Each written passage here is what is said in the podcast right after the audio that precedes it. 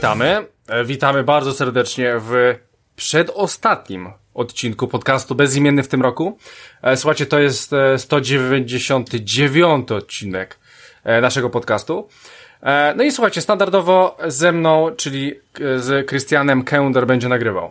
Rafał Rodemyski. Cześć wszystkim, witam. I słuchajcie, drugą osobą w naszym studiu będzie Wojtek Kocjan.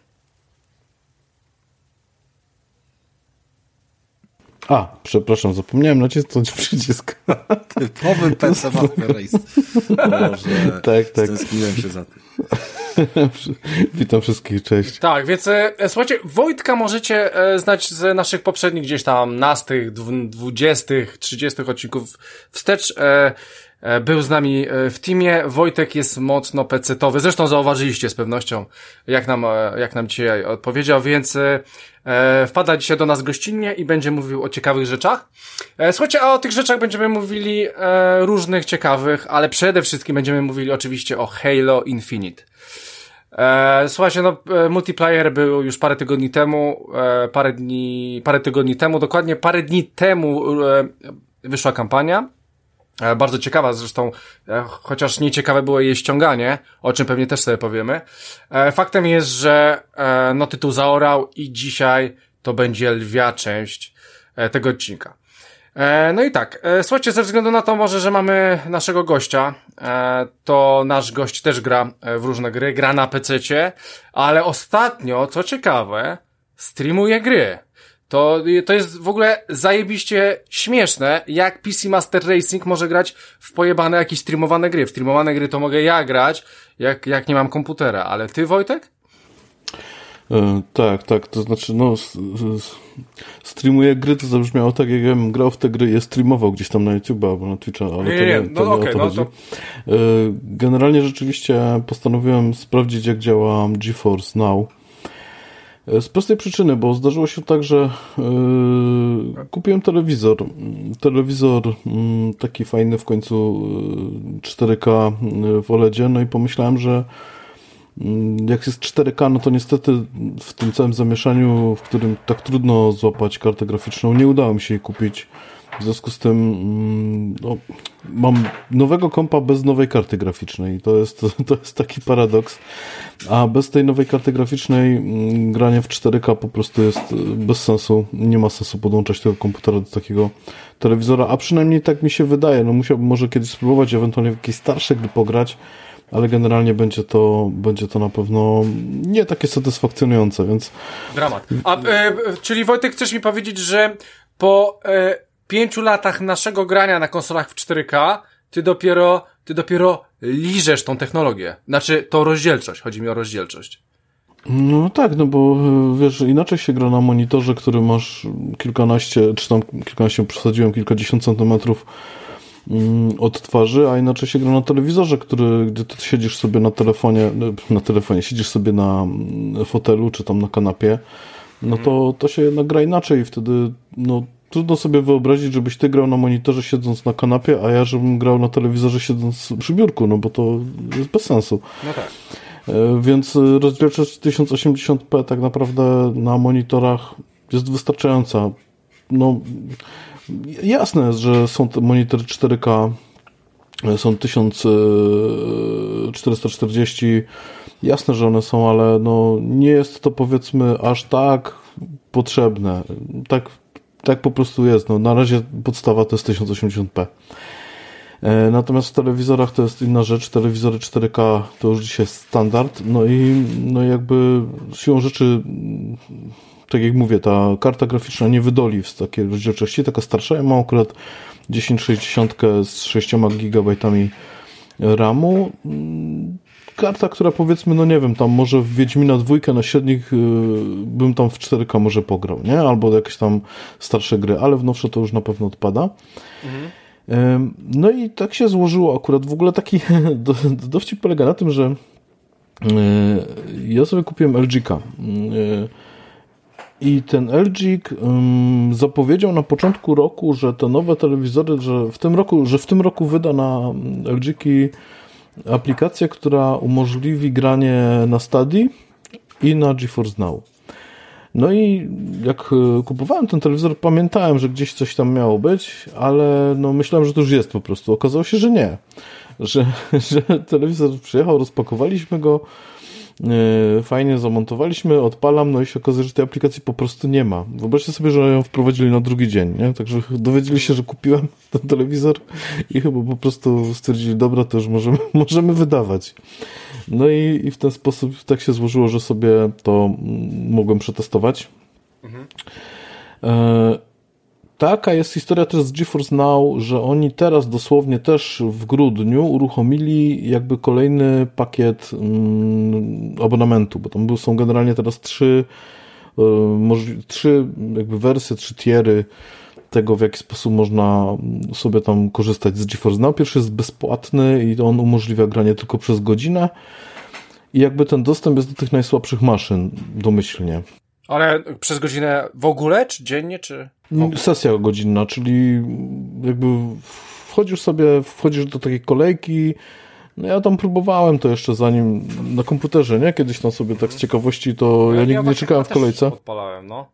Nigdy nie czekałem w kolejce, ale rzeczywiście można sobie tam przez godzinkę pograć. Tam to masz, ty dostęp masz do tych takich najsłabszych maszyn, więc tam powiedzmy szału nie ma. Mhm. Potem jest wersja Priority, o ile dobrze pamiętam nazwę tego, tego planu. I to jest tak, że możesz grać w 8-godzinnych sesjach i możesz dostęp do tych trochę lepszych maszyn. Tam chyba, o ile pamiętam, są na tych komputerach od 2000, od GeForce'ów 2060 aż po 2080, tak mhm. bodajże. Także to są bardzo mocne też kompy, no ale nie są tak mocne powiedzmy jak ta nowa generacja kart. I za to się płaci 49 zł miesięcznie albo 250 czy tam 249 za pół roku. E, zaleta jest, zaleta jest taka, że ty, znaczy zaleta albo wada, bo to zależy, nie? Ale możesz korzystać z własnej biblioteki gier, o ile ta, o ile GeForce Now jakby wspiera tą grę. Więc tam akurat tak się złożyło, że jak sobie podpiąłem tam Steama i Epica, no to tam akurat całkiem spora biblioteka, bo tam ze 110 gier mniej więcej mogę korzystać, nie licząc jeszcze, nie licząc jeszcze, gier z Ubisoftu, bo one się do tej biblioteki nie wliczają, bo tam chyba teraz akurat w najnowszym patchu ma wejść wsparcie do tego, żebyś nie musiał się za każdym razem logować do tego Uplaya, tylko czy tam Ubi Connect, czy jak się tam teraz nazywa. Wojtek. E, czyli, tak. no, bo ja też chciałem. E, to, to ja pierwszy. Czyli, czyli chcesz mi powiedzieć, że ta usługa tylko polega na tym, że udostępniają ci lepsze komputery, na tak. których sobie po prostu grasz w swoje gry, które masz u siebie. Tak, dokładnie, nie licząc tam 30 gier, które są darmowe. Tam, no, to tam wiesz, to jak... No, ale tam też są, tam też są, tam jest Destiny 2 na przykład, tam jest chyba Apex no, Legends. Destiny 2 to, to, żeby konkretnie, to musisz mieć trzy dodatki, a zaraz wychodzi czwarty. No dobra, ale masz to za darmo, nie? To, to, no kurde, tak, no wiesz, no, no tak, Właśnie ale... a propos za darmo, masz y, abonament, o którym mówisz, że tam 5 dych miesięcznie kosztuje. Czy nie lepszym mhm. rozwiązaniem jest... Y, Xbox y, Game Pass Ultimate, który do, ma Do tego chmurę? później chciałem przejść, Rafał. Do, do tego później chciałem przejść. I... To na razie to zostawmy no, i weźmy to na koniec. No, czemu Nie, niech powie o swoim, a my powiemy mu później o swoim. No to czekaj, bo, bo, bo to jest dobre pytanie i to też nie jest tak, że ja, ja sobie to testowo wziąłem, no nie dlatego, że jestem jakimś fanem tego rozwiązania, tylko chciałem sobie przetestować, no ale do, dojdziemy do tego, nie?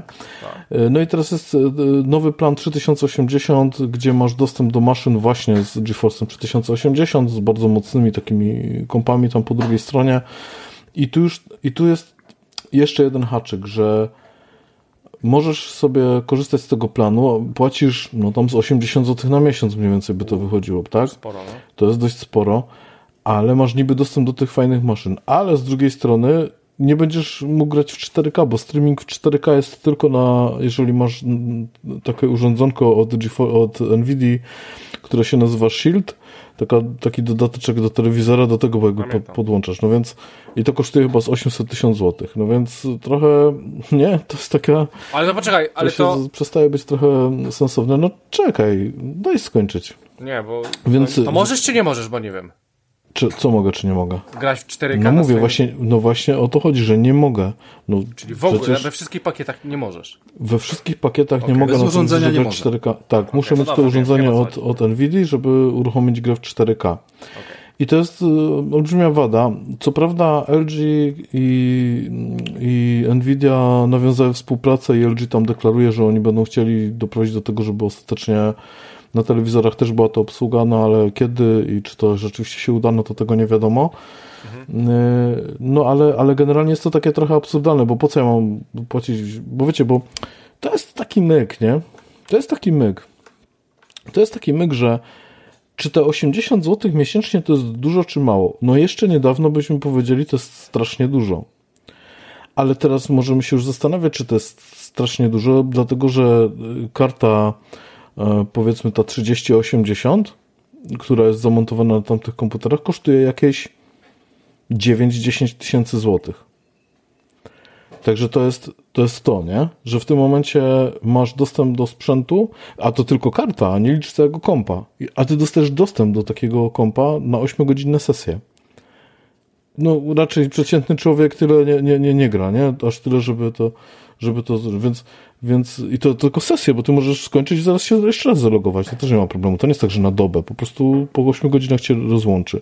Więc, więc to jest nie takie dyskusyjne. Czy to się opłaca, czy to się nie opłaca, nie? E, w, w ogóle wydaje mi się, że ta usługa jest stricte dla PC-towców.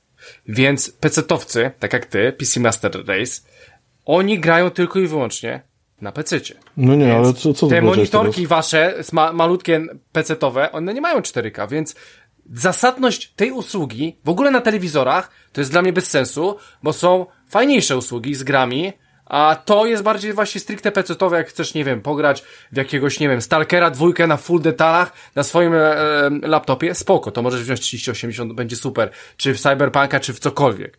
Ale, ale na telewizorze dla mnie to wydaje się w ogóle kompletnie bez sensu. E, no to, to czekaj, bo, bo też jeszcze jest taka kwestia, że teraz po pierwsze, no to tu się nie zgodzę, żeby to było do pecetowców, no okay. bo, no bo niekoniecznie bo to możesz uruchomić na starym laptopie, na starym komputerze, starym monitorze, jasne, wszystko spoko, możesz to uruchomić nawet na telefonie, no o. i na telewizorze z systemem Android i, i, na tablecie, więc tu masz opcję to uruchomienia na czymkolwiek tak naprawdę. No. E, chodzi tylko o to, że teraz e, akurat telewizory LG, one mają ten swój system tam do tego sklepu, ten system WebOS się to nazywa i po prostu udostępniają taką, taką opcję. E, to jest pierwsza rzecz, czyli to możesz grać na czymkolwiek, niekoniecznie musi być pecetowcem, ale co, co ważniejsze, chodzi o to, że teraz, wiesz, no bo ja, to, to jest taki wstęp, a teraz pytanie, jak, ja, jak mi się na tym grało, nie? No bo ja ten telewizor mam, usługę mam, odpaliłem, no i teraz co, co w związku z tym? No i powiem wam szczerze, że się grało super. Ja nie mam tego planu najdroższego. O to chodzi, mi o to chodziło, że nie ma sensu, żebym ja wykupywał no tak. sobie za 80 zł ten plan, bo po prostu po co, nie? Skoro i tak nie będę miał 4K. Yy, natomiast chyba będę, to już nie jestem pewny, ale chyba tam 1440 ten, ta, ta, ta rozdzielczość jest obsługiwana, już nie 1080p tylko, w tym najdroższym planie, ale nadal to jest 80 zł miesięcznie. Gdybym nie miał kompa, no to bym może się pokusił, ale też chyba nie, bo w ten plan za 40 zł, za 49 zł naprawdę mi w zupełności wystarczy. Odpaliłem sobie na tym ech, cyberpunka i powiem szczerze, jako, tak jak to chodziło, chodziło super, bez zastrzeżeń. To wysokie detale, ultra i tak dalej, ray tracing ray włączony. Chyba, tak, Czy... wszystko spoko, tak, włączone oczywiście, ale przyznam szczerze, ja w to nie potrafiłem grać na padzie. Ja po prostu się tak umęczyłem, że ja to zostawiłem, bo ta gra jest do, spadem zupełnie jakaś, no tak, tak. Śmieszne, Jak, jakoś zupełnie naprawdę mi się koszmarnie grało. Więc zostawiłem tego cyberpunka, tam olałem, to mogę sobie podłączyć tam klawiaturę i myszkę, nawet mam tylko taką niezbyt do grania, bardziej do tam, nie wiem, wpisywania jakiś pierdół. Ale jak będę chciał sobie rzeczywiście pograć, to sobie podłączę tam jakąś, jakąś klawiaturę i myszkę i sobie pogram ten telewizor z tego cyberpunka. E, ale e, jeżeli chodzi o samo to, jak to wyglądało, jak to się tam prezentowało, czy było widać, że to jest jakiś streaming, no to ja przyznam szczerze, że nie. Ja siedziałem tam, nie wiem, z, na fotelu z półtorej metra, może od tego dwa metry od, od telewizora i naprawdę ja tego nie czułem, że to jest streaming. A powiedz mi, jak odpalałeś na przykład tą usługę, domyślam się, że, a nie, wybierałeś swoją grę. Jak wybierasz swoją grę, to tam masz jakąś informację, czy chcesz odpalić z GeForce'em czymś tam, czy po prostu e, tam się wchodzi twoja biblioteka gier i z niej po prostu już wybierasz? Ona się jakoś importuje? Jak to wygląda? No zacznijmy od tego, że nie wszystkie gry wspierają ray tracing. No tak. I tam rzeczywiście w, w, jakby w tej bibliotece jest, ale to tak jak na Steamie, to masz po prostu no. tam pokazane, że no tu mamy takie gry, które obsługują ray tracing, jakbyś chciał sobie przejrzeć, nie? Mhm. I tam jak masz jakąś, to sobie możesz uruchomić. Ale to Aha. tak nie działa, ray tracing się włącza w grze. Czyli po prostu odpalasz Wiedźmina, to masz normalnie ustawienia, wszystko tak jakbyś na swoim kompie grał, nie? Tam wchodzisz sobie w ustawienia i po prostu zmieniasz, że ray tracing tam chcesz włączyć albo wyłączyć i, i no tak dobra, to, a, a, tak a jak odpalasz, odpalasz taką grę, to widzisz, że ona że ona się musi pobrać, że coś tam się musi stać. Nie, nie, nic nie pobierasz, no bo to już jest wszystko tam zainstalowane. Tak naprawdę Jedyna bolączka taka, jaka tam jest jeszcze, ale to chyba ze względu na to, że ja mam tego Steam Guarda, Guarda wyłączonego, że muszę się logować za każdym razem do tego Steama, ale nie wszyscy się muszą logować, chyba ci, co nie mają tego Steam Guarda, nie muszą. Do Epika też nie trzeba się logować, a teraz czyli, nie... Ten... Czyli, czyli chcesz mi powiedzieć, żebym przyszedł do ciebie do domu, byś mi odpalił grę, ja bym sobie w nią pograł i nie ma opcji, żebym stwierdził, że to jest streamowane. Wydaje mi się, że nie. Wiesz co, ja też no przyznam, że z drugiej strony nie grałem na podłączonym tym, nie, że tam e, na normalnym sprzęcie, ale, ale ta jakość jest tak, przede wszystkim no, gra jest pełna szczegółów i musiałbyś się naprawdę przyglądać, wiesz, jak tam jest cały czas ruch, coś się dzieje, no to nie widzisz tego tak naprawdę, nie zwracasz bo, na to uwagi w ogóle. Bo, ale wiesz, dopiero czasami... widzisz, widzisz no. to, bo, bo wiesz, no bo teraz uruchamia się upscaling, jak ty masz y, telewizor, czy, czy no tak, no upscaling, że jak masz 4K telewizor, a masz grę w 1080p uruchomioną, no to ci to się tam musi przeskalować. Mhm. I to widać, jak podejdziesz do telewizora tak blisko, nie? Tak jakbym podszedł do, do monitora. No to tak, to to widać, że to jest, że to jest coś tam widać. No nawet trudno to tak. No, no, no. A, a to w takim razie, Wojtek, powiedz mi jeszcze jedną rzecz, bo jestem ciekaw. E, nie masz na przykład, e, że na jakieś, nie wiem, piksele ci się robią na parę sekund, bo na przykład jest jakiś tam złącza bierze albo coś? Nie? nie miałem jeszcze czegoś takiego. Okay. I teraz tak, jeszcze jedna rzecz, bo gram w tego Cyberpunka tak troszeczkę, żeby sobie to potestować i wszystko jest naprawdę spoko, poza tym, że obsługa pada i to nie jest tylko moje zdanie, to też jest zdanie konsolowców, żeby było ciekawe, bo bardzo, bardzo dużo czytałem opinii, że się bardzo ciężko gra na, na, w Cyberpunka na, na padach, bo jest po prostu ta gra nieprzystosowana do tego. Natomiast odpaliłem sobie kontrol i powiem wam, że w Control się znak gra znakomicie. Tak. No, yy, I w Control... Z trzeciej, z trzeciej, osoby dlatego, wiesz? Yy, pewnie tak, ale tam też, no może trzecia osoba, tylko że tam też jest to, że czuć, że jest to wsparcie dla pada, że on tam ma te jakby, nie wiem jak to się tam nazywa, no, taki Moce, support, te? tak, tak, że tam po prostu ci trochę bardziej łatwiej jest. Widać, że ten pad, ten, ten celownik się tak troszeczkę nakierowuje na, na, na, na tych przeciwników i, i łatwiej się to zdecydowanie no tak. robi. Y, ale tutaj rzeczywiście było widać, to znaczy tak, znowu, nie grałem w, w to bez streamingu, tak, że tak powiem. Właśnie, musiałem sobie na PC odpalić, jak to wygląda. Bo czasami miałem wrażenie, że jak są takie, bo czasami miałem wrażenie, że są takie momenty, gdzie jak była na przykład, bo tam jest dużo takich bardzo ciemnych pomieszczeń. Aha. I jak była taka ciemna ściana i te cienie tak przychodziły, to miałem wrażenie, że one są delikatnie właśnie tak jakby ta rozdzielczość nie była taka. Poza tym wszystko spoko, tylko te ściany, nie? Także nie wiem, czy to po prostu nie jest taka uroda tej gry, czy chyba taka uroda tej gry musi być, ale Powiem mówię, ci tak, nie kilka było gier włączyłem. takiego w kontrolu na, na konsoli i Wydaje mi się, że to jest kwestia po prostu kompresowania danych podczas streamingu, że to nie masz jakby obrazu natywnie wyświetlanego, tylko, tylko jednak jest to jakaś forma kompresji do przesyłu, tak jak gdzieś tam powiedzmy na YouTubie czy coś. No i no, czy, czy, czy Netflixie i najbardziej jakby widać wtedy bolące rzeczy tam, gdzie masz mm, ciemno, coś, co już wchodzi pod kolor czarny, ale jeszcze szary i tam ta paleta mhm. powiedzmy barw jest e, trochę, trochę gorsza. Kolejną no, rzeczą, którą, Kolejną rzeczą, którą właśnie przy, przy okazji chociażby tego kontrola, nie wiem jak tam Cyberpunk sobie z tym radzi, ale zakładam, że ten telewizor yy, całkiem jakoś tam rozsądnie wspiera już yy, HDR. Tak, tak. Co jest raczej dla pecetowców yy, rzeczą niebywałą, jeżeli wow. chodzi o monitory co to jest. No, I no w to, to... się raczej tego nie spotyka, więc właśnie kwestia, czy te gry, które są odpalane e, przez streaming, one w ogóle są w stanie jakby przesyłać obraz HDR. To jest... Tak i nie. Dlatego, że e, tak jest to, ale zdaje się, że w tym planie dopiero najdroższym. O, ale chuje, Także co? to jest, to jest to. Jest to. Ale to A się to zgodzę. Nie, nie, nie jest nic takiego zas zasobożernego, żeby tego nie było w tym mniejszym planie. Przecież to jest tylko... Nie, nie chcę wam teraz pocygandzić, ale na pewno czytałem, że w którymś planie jest. Znaczy większy no, transfer, Krystian. Tym... Tu chodzi o, o kwestię transferu. Jakby... Światło, same światło, żeby... Wie, ale też, ale też y, tutaj taka rzecz. Ja teraz no. zdałem sobie sprawę, mm, że jeszcze uruchamiając GeForce Now macie tam takie różne opcje, jakby ile chcecie, żeby to zżerało wam zasobów internetowych. I przy takim, przy takim, bo tam jest taki coś jak zrównoważony plan jakby i tam teoretycznie jest 5 GB na godzinę w streamingu. Czy to jest dużo czy mało? No to nie jest dużo, nie? Więc, a ja sobie tego nie przełączyłem. Ja dopiero dzisiaj, jak sobie siadłem tutaj przy kąpie, sobie też coś tam sprawdzałem jeszcze, to rzeczywiście zauważyłem, że ja mogę sobie to przełączyć i mogę tam przełączyć na taki plan, który ja sobie wybieram i tam nawet jest do 30 czy tam 40 megabitów y, na sekundę i to jest y, i, to jest, y, przepraszam, nie megabitów na sekundę, tylko to są właśnie te gigabajty, to ma 50 gigabajtów. Więc to jest różnica, nie? Kiedy no przesyłasz 5 gigabajtów. To tak, teraz tak. przez kabel HDMI leci ci 18 gigabitów na sekundę, więc to, no, to jest właśnie, różnica, więc, gdzieś to musi uciekać. Oczywiście, oczywiście, więc tutaj, więc tutaj, no to, ale mówię, pomijając A w jakim to, klatkarzu to, to chodzi? W jakim klatkarzu 45 klatek na sekundę jest ten cyberpunk i to niestety jest sztucznie zaniżone, to znaczy sztucznie zaniżone. To się do tego przyznał, przyznała Nvidia, że wybrane gry w tym GeForce Now w tym wariancie Priority oni rzucają w 45 sekundach i w tych, to jest chyba tam, nie wiem, z 8 gier albo 10 takich bardziej wymagających i to jest między innymi Cyberpunk.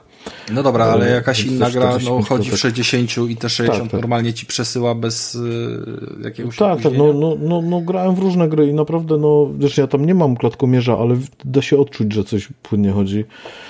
Więc tak, no mówię wam, to jest zaskakujące. Dla mnie to też było zaskoczenie, bo ja mówię, a pewnie będzie to tam wyglądało, jak będzie wyglądało, albo będzie chrupało tam jakoś, albo coś tam będzie nie tak. Gra się świetnie. Naprawdę, no mówię, ja siedziałem. Czy słuchaj, dla nas to nie jest i... zaskoczeniem, bo my mamy od pół roku Xclouda. Wszyscy. I... Okay. Tak, o, e, poczekaj, Rafale, przejdziesz do tego, tylko jeszcze chcę się do, do, na koniec ciebie spytać, Wojtek, czy w takim razie nie, nie będziesz planował w ogóle już karty? Że to może już ci tak naprawdę konkretnie zastąpić e, to, że już upgrade kompa nie będzie miało sensu?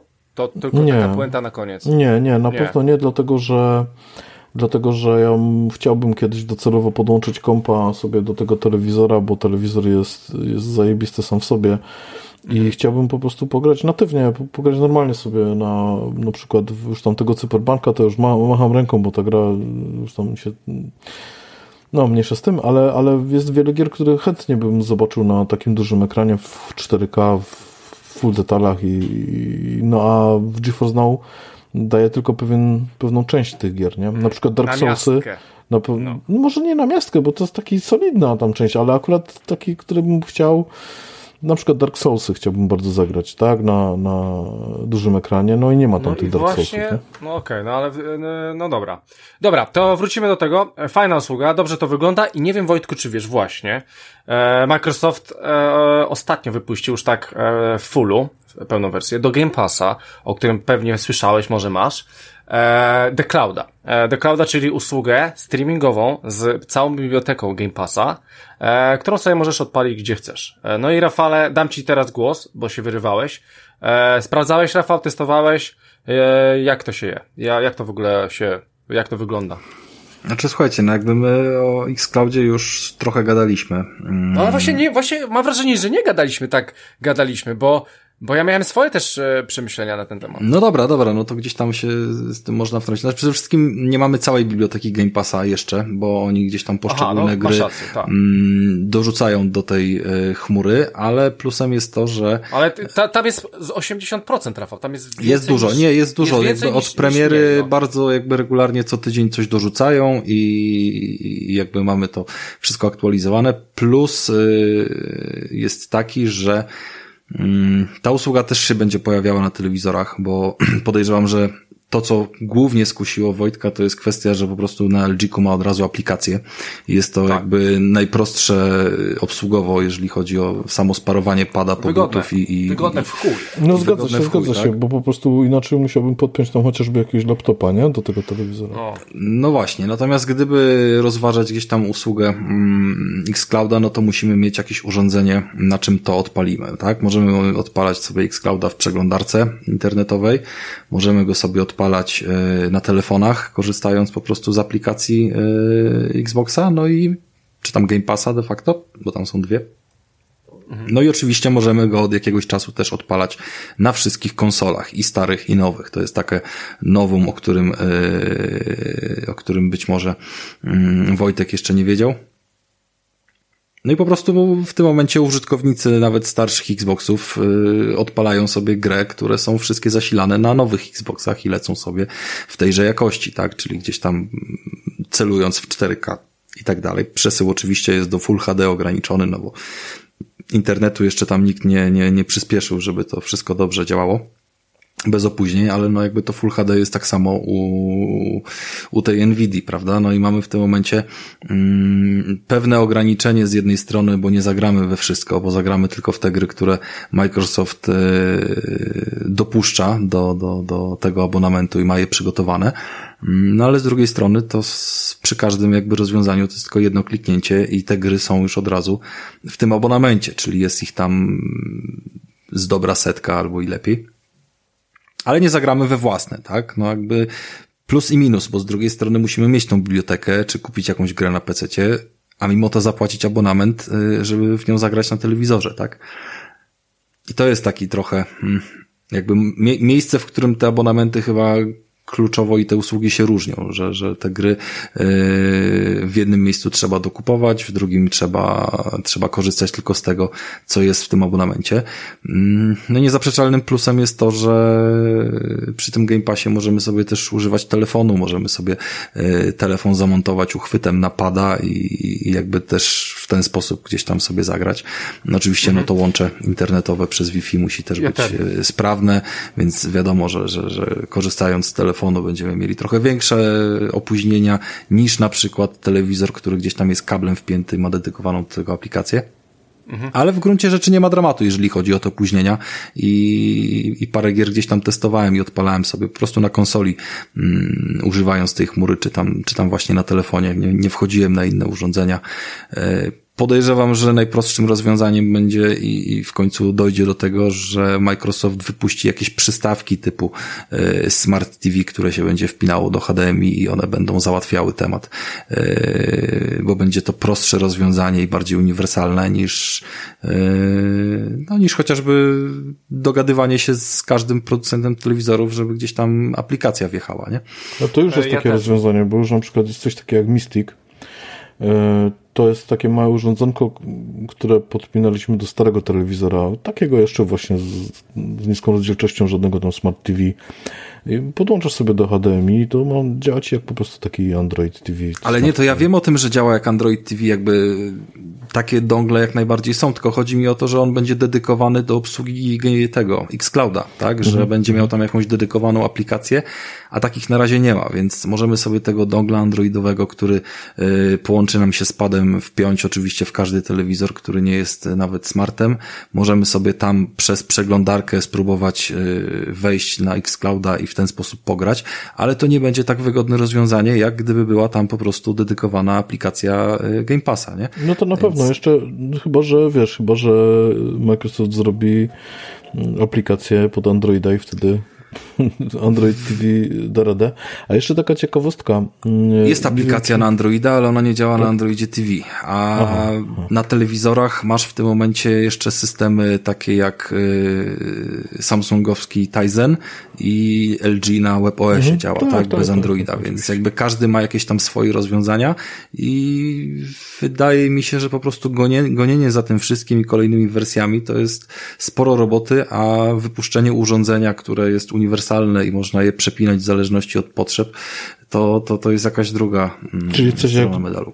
GeForce Now i Shield za 800 zł. No. Tak, tylko że ten Shield za 800 zł, wiesz, my kiedyś o Shieldzie gadaliśmy, bo Shield wyszedł w ogóle jako technologia i, i sam początek tego, o czym ty dzisiaj mówisz, yy, to było u nas w podcaście, żeby nie skłamać z 4 lata temu, yy, albo 5, w momencie, gdy wchodziły tablety i, tak, w 2015 i właśnie bazując gdzieś tam na, na, na procesorze yy, ten Nvidia Tegra, tak, który gdzieś tam poszedł do tego, tego tabletu Nexusa, który kiedyś miałem i właśnie on poszedł też zasilać sobie ten yy, tablet, który, który służył do grania i, i można było wykorzystywać jego moc, ale sobie na ten tablet też streamować gry z peceta i to było gdzieś tam ich super rozwiązanie i oprócz tego gdzieś tam podpinać to do telewizora i grać na dużym ekranie. No Więc... tak, tak. A jeszcze chciałbym powiedzieć o, czy o Stadii żeście kiedyś rozmawiali, bo to jest w ogóle ciekawa usługa streamingowa. Zupełnie dla mnie jakoś absurdalna. No jest absurdalna jest... i dlatego tam nie wchodziliśmy nawet, żeby to testować, no bo tam nic nie ma. To jest, tam jest taki absurd, że tak, musisz opłacić abonament. Jak opłacisz abonament, to możesz sobie u nich kupić grę, która działa tylko u nich. Yy, I no, więc super usługa, nie? Nie tylko że e, płacisz za abonament. Oni chcą mieć usługę, ale mają tylko tak. dwa serwery, które ją, jej poświęcają, więc nie chcą, żeby mieć użytkowników. Ale no, chcą mieć tak. usługę. Ja ten, e, jeszcze, słuchajcie, jeszcze wracając do Xclouda, e, to chcę wam powiedzieć parę takich technologicznych rzeczy, że po pierwsze, dokładnie koło połowy tego roku to było wszystko streamowane na Xboxach One, w połowie tego roku zmienili na Xbox Series X, e, więc e, cały sprzęt leci na tym. Gry mogą być streamowane do 1080p, w zależności od tego, co to jest, od 720 do 1080p. Ja grałem w Gearsy na Xboxie One z Mikołajem, pozdrawiam Mikołaja. Miałem 720p i do, do 60 klatek, więc moim, na moim Xboxie One mogę mieć na, w sumie nawet lepszą grafikę z Xclouda. E, w zależności od łączy. Ale zaraz, na 720p na telewizorze 4K? Nie, nie, nie. Ja mam, wiesz co, ja mam dwie konsole w domu. E, mhm. I drugą mam na słabszym e, telewizorze, wiesz? Więc ja tam nawet nie mam czegoś takiego. Mhm. Chcę jeszcze tylko powiedzieć o tym, że jeżeli streamujecie, to nie macie 4K, nie macie 120 klatek, nie macie Dolby Vision, nie macie Dolby Atmos i nie macie HDR-a. E, to właśnie przeczytałem, że Xcloud e, niestety nie pozwala na, na takie rzeczy. E, no ale wiadomo, jest to streaming. Powiem wam, że to działa całkiem dobrze, całkiem nieźle. Pamiętam, że Tomek zaprosił, mówił nam, że zaprosił tam znajomych do siebie do domu i puszczał im tylko gry z Xclouda i powiedział, że nikt się nie skapnął, że to są gry z Xclouda, więc, więc powiedział, że usługa naprawdę daje radę. Eee, no i co? No tym no... bardziej, że tam wiesz, łączysz drugiego pada, to jest tak jakbyś był od razu w urządzeniu w konsoli. Jakby to jest tak zaimplementowane tak. na konsoli, że gdyby nie ekran wczytywania, który tam y, jest po drodze, to, to zamiast niego po prostu można wrzucić cokolwiek innego i nikt się nie kapnie. Ta, no i, i to samo na przykład co Rafa powiedział, fajnego ostatnio, że e, słuchajcie, no nie wiem, wyszło, e, wyszło, no akurat Halo jest złym przykładem, to wam później powiem czemu. Ale no niech będzie, że wyjdzie Stalker 2, tak? Wyjdzie, e, będzie można go ściągnąć, więc na jednej konsoli e, odpalam go sobie do ściągnięcia na mocniejszej, a na słabszej idę do drugiego pokoju i sobie już w niego gram. I czekam aż mi się pobierze. Więc e, to takie możliwości są, ponieważ przy ściąganiu tej gry na tej konsoli nie można grać e, e w tą grę e, na cloudzie. Wiem, bo sprawdzałem u siebie, miałem zablokowaną chmurkę, a miałem wcześniej, kiedy już dałem do, do pobrania. Więc ogólnie usługa jest świetna pod względem tego, że po prostu to jest dodatek do Game Passa, z której prawdopodobnie ja i tak za bardzo nie będę korzystał, ale, ale myślę, że osoby, które kompletnie nic nie mają i sobie od czasu do czasu coś tam odpalają, bardzo spoko.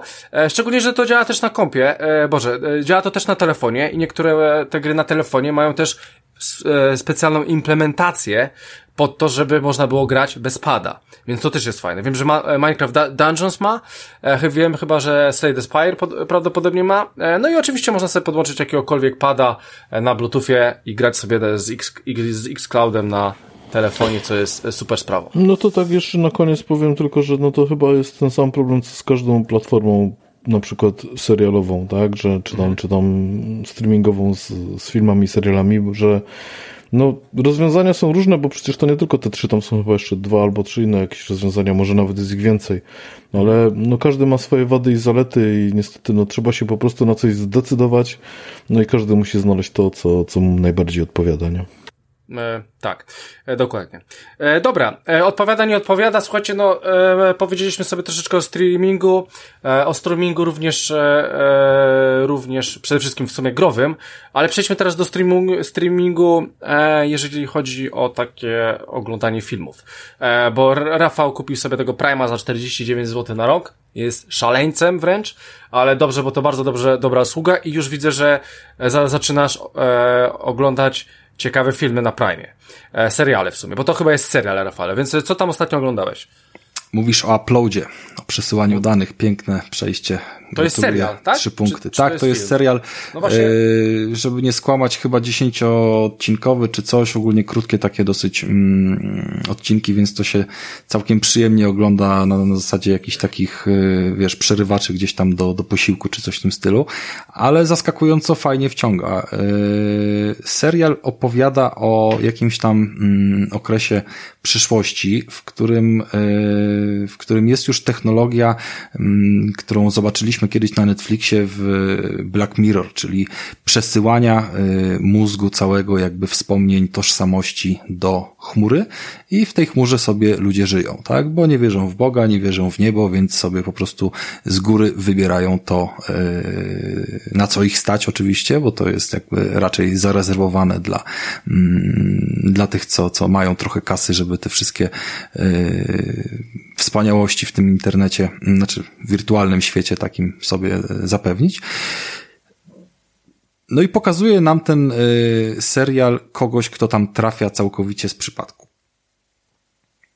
I co więcej, ta osoba jest, y, nasz główny bohater, jest programistą, można powiedzieć, i on na swój sposób trochę za tą technologią yy, gdzieś tam się rozglądał wcześniej, trochę się o niej uczył i tak dalej, więc to jakby też ma takie spojrzenie yy, z drugiej strony. No jest osobą młodą, takich osób młodych za wiele tam nie trafia, bo raczej to jest dom starców, jakby wtedy, kiedy sobie ludzie umierają, to, to raczej wtedy się tam uploadują dopiero, nie?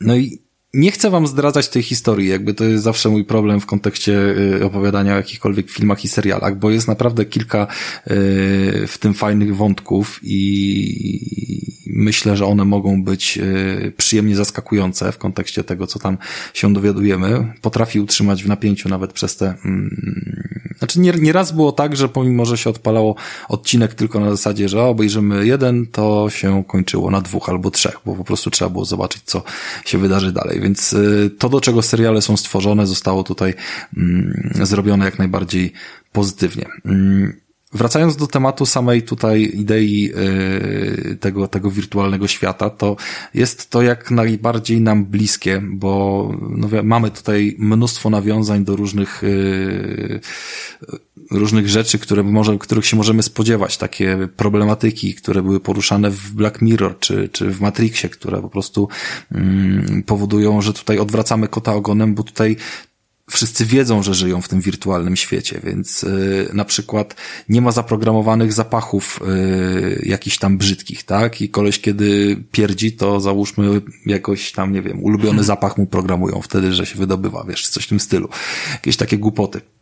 Tam nawet są. E, Lawenda. No, na, na przykład, no, jest taki konkretny moment, fragment, jakichś takich kilka niuansów yy, przytaczam, tak? No, oczywiście jakieś tam jedzenie, coś i tak dalej, no, ale, ale yy, też był jakiś moment tam w kontekście, że aktualizacja systemu, wszyscy się jarali, że dorzucili im wreszcie smak kwaśny, bo był tylko słodki i słony, nie? Yy, wcześniej gdzieś tam zaprogramowany, więc yy, różne takie yy, rzeczy spotykamy podczas tego jego życia i bardzo, znaczy życia po życiu, E, które nam umilają jakby rozwiązywanie całej tej fabuły i, i, i intrygi, która tam jest zaklęta, którą staram się e, pominąć, ale jest ona warta zapoznania. Mm, no i tak naprawdę, tak naprawdę do samego końca nie wiemy, kto jest w jakim stopniu dobry, zły, jakie ma motywy i co tam się tak naprawdę wydarzyło wielokrotnie zaskakuje nas to, co tam gdzieś tam jest pokazane. Aktorsko tak naprawdę tutaj można powiedzieć, że nikogo nie znałem, więc to jest e, ewidentnie taki, mm, taka zbieranina po prostu, a zróbmy coś, zobaczymy, czy się uda. Myślę, że e, udało się na tyle, że gdzieś tam doczekamy się tego drugiego sezonu, bo, bo, bo historyjka zdecydowanie nie została opowiedziana do końca i no, gdzieś ten Amazon musi swoje miliardy umieszczać w jakieś inwestycje kolejne, więc, więc no raczej nie będzie przestawał, raczej nie będzie przestawał z takimi autorskimi propozycjami. Ja mam ogólnie problem z Prime'em, bo pewne rzeczy, które robią, robią bardzo fajnie i e, gadaliśmy o, o The Boys, który jest e, świetnym serialem pokazującym superbohaterstwo z innej perspektywy, dość o tożsamej tematyce też Invincible, który nadrobiłem, jak tylko ten, mm, ten abonament sobie wrzuciłem i, i z kolei kreskówką również o superbohaterach i, i znów mamy całkiem inaczej przez przedstawioną historię niż, niż moglibyśmy się spodziewać po jakiejś takiej klasyce Marvelowskiej czy DC. Yy,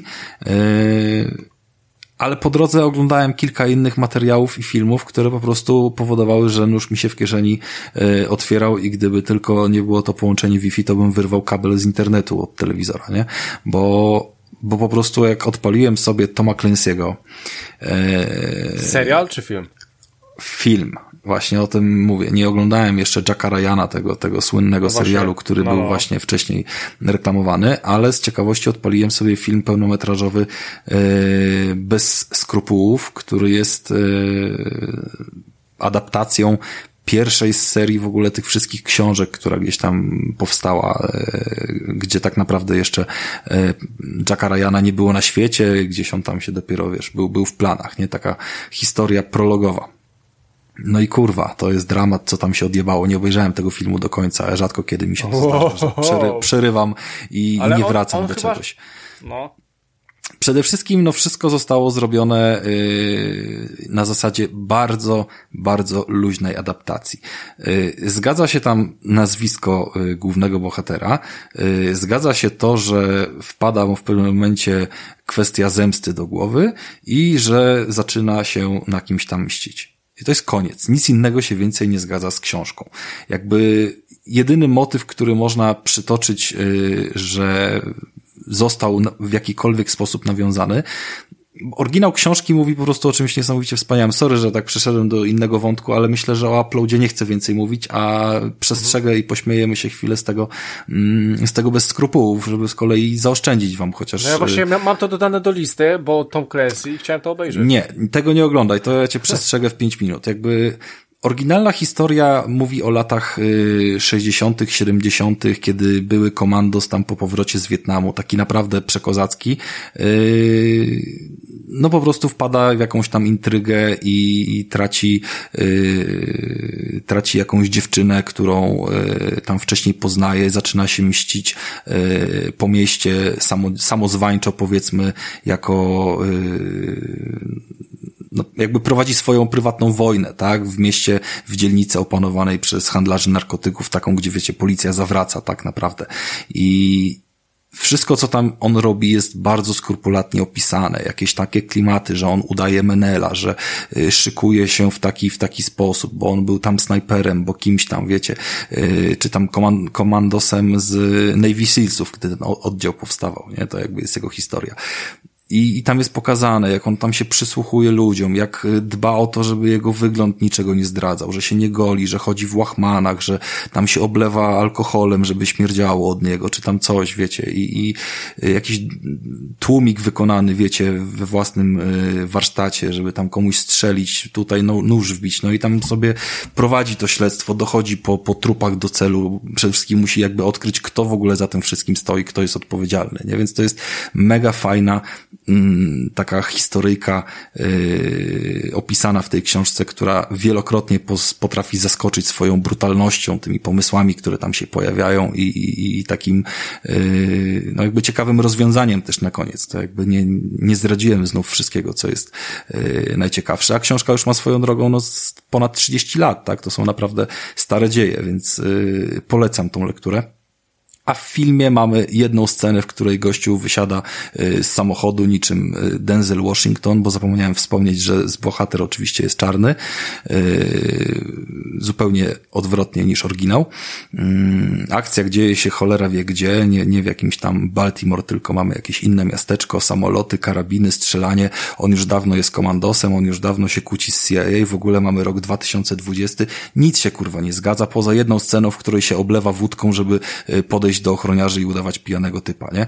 Ale jakby, wiesz, nawet się nie przebiera, w sensie, kurwa, no nic kompletnie nie odnosi się do oryginału. To jest tak dramatyczna jakby wykorzystanie tego tytułu. Jakby to powinno zostać pod innym tytułem podpięte, dać inne nazwisko bohaterowi i byłby to sobie jakiś tam film sensacyjny. Ale jeżeli się korzysta z tej licencji, bo się chce, żeby więcej Krystianów dodało to do listy i to obejrzało, yy, bo, bo Tom Clancy, Ej, Rafałów tak? też, Rafałów też, hello. Yy, tak, no jakby okej, okay, tylko że to wiesz, no nie idę, nie idę na to do kina, nie, nie wydam pieniędzy na bilet yy, na zasadzie a co nam zrobisz, kurwa, jak już wyjdziesz z seansu, rozumiesz, jakby, że będzie zaskoczenie, bo tak, tak się czasami filmy kręci i jakby wydają czasami dwa filmy w tym samym momencie, które opowiadają o napadzie na Biały Dom i ludzie myślą, że idą na jeden, a idą na drugi. Tak się robi w branży, no jakby, okej, okay, nikt do tego jakby nie ma pretensji tak naprawdę, ale tutaj mamy po prostu sobie puszczony film na streaming i myślę, że nikogo nie obchodzi y, tak mocno, czy on się więcej czy mniej razy kliknie, więc po co tutaj oszukiwać i jakby robić takie yy, kopcenie tematu. No jakby był, był ostatnio na Netflixie nowy film sensacyjny, fajnie, super gwiazdorska obsada, yy, film, przepraszam, film prosty, film sensacyjny, przepełniony humorem. Mamy Rocka, mamy yy, Ryana Reynoldsa, mamy jeszcze Wonder Woman i chuj, musi się sprzedać, no jakby każdy wie o co tam chodzi. Nikt nie Czerwona jest oszukany. nota chyba, tak to się nazywało. Czerwona coś tam, no. Nota. Czerwona nota, no niech tak będzie. No jakby nie jesteś w ogóle oszukany na tym filmie. Włączasz, oglądasz, zapominasz i, i jakby nie czekasz na drugą część. Jak się pojawi, to też obejrzysz, bo też będzie na Netflixie miło się ogląda Daredevil, znaczy nie Daredevila, tylko Deadpoola bez y, maski, bo tak naprawdę Reynolds nie wychodzi z tej roli, cały czas jest taki głupio śmieszny. Yy, I tyle. I taki film szanuję na platformie streamingowej, który po prostu mówi od razu czym jest. A jeżeli chodzi o bez skrupułów, to ten film obiecuje coś zupełnie innego każdemu, kto jakby kojarzy twórczość Clancy'ego, a trochę jest ona dosyć popularna w jakimś tam kontekście. No i tutaj jest niestety tylko przybita pieczątka i cóż, no jakby no gościu nie żyje, więc z jego nazwiskiem robią co chcą, nie? Więc nie oglądajcie tego, nie męczcie się, nie, nie nabijajcie słupków takim zasadom, a jak obejrzę serial Jacka Ryana, to wam powiem, czy tam było lepiej. Okej, okay. E, to ja wam powiem, na czym było na pewno zdecydowanie lepiej i w sumie całkiem dobrze. E, bo teraz przejdziemy do mnie i ja też coś oglądałem, byłem nawet, nawet w kinie. E, więc może zacznę od troszeczkę słabszego e, filmu, ale ja muszę o nim powiedzieć. Musicie też brać pod uwagę, że ogólnie ja mieszkam w Anglii, ale w Polsce e, mieszkałem w Pruszkowie e, około 15, nie, około 20 paru lat, e, więc filmy gangsterskie zawsze będą, e, zawsze będę je musiał oglądać, ponieważ znam parę parę historii e, osób, które e, miały wpływ, e, mm, które miały kontakt jakiś z pruszkowską mafią. No i słuchajcie, byłem na ostatnim Pitbullu. Tak wyszedł kolejny Pitbull, tak Vega dalej robi te same filmy. Tak, wydaje mi się, że to jest najgorszy Pitbull aczkolwiek nie jest aż tak zły. Jest dużo Pruszkowa, e, jest dużo w ogóle takich prawdziwych, że, e, prawdziwych e, rzeczy, które faktycznie miały miejsce. Nie wiem, czy pamiętacie na przykład zamach w Zakopanem, na bodajże jakiejś tam Zakopiance czy gdzieś. Tam po prostu wybuchł samochód. Nie, zastrzelili, zastrzelili jednego właśnie gangstera właśnie pod, pod Zakopianką. Jak oglądałem to, to doskonale pamiętałem to te, z telewizji. E, faktem jest, że e, nie będę tutaj dużo o tym mówił, po prostu ten film jest taki, jaki ma być, ja po prostu na to poszedłem i dostałem to, co oczekiwałem. Powiem wam tylko, że e, został tylko z oryginalnej obsady tylko e, e, Goebbels, czyli e, Andrzej Grabowski, który który chyba w ogóle się nie zestarzał. I powiem wam e, szczerze, że ma bardzo ciekawy, ciekawego e, antagonistę.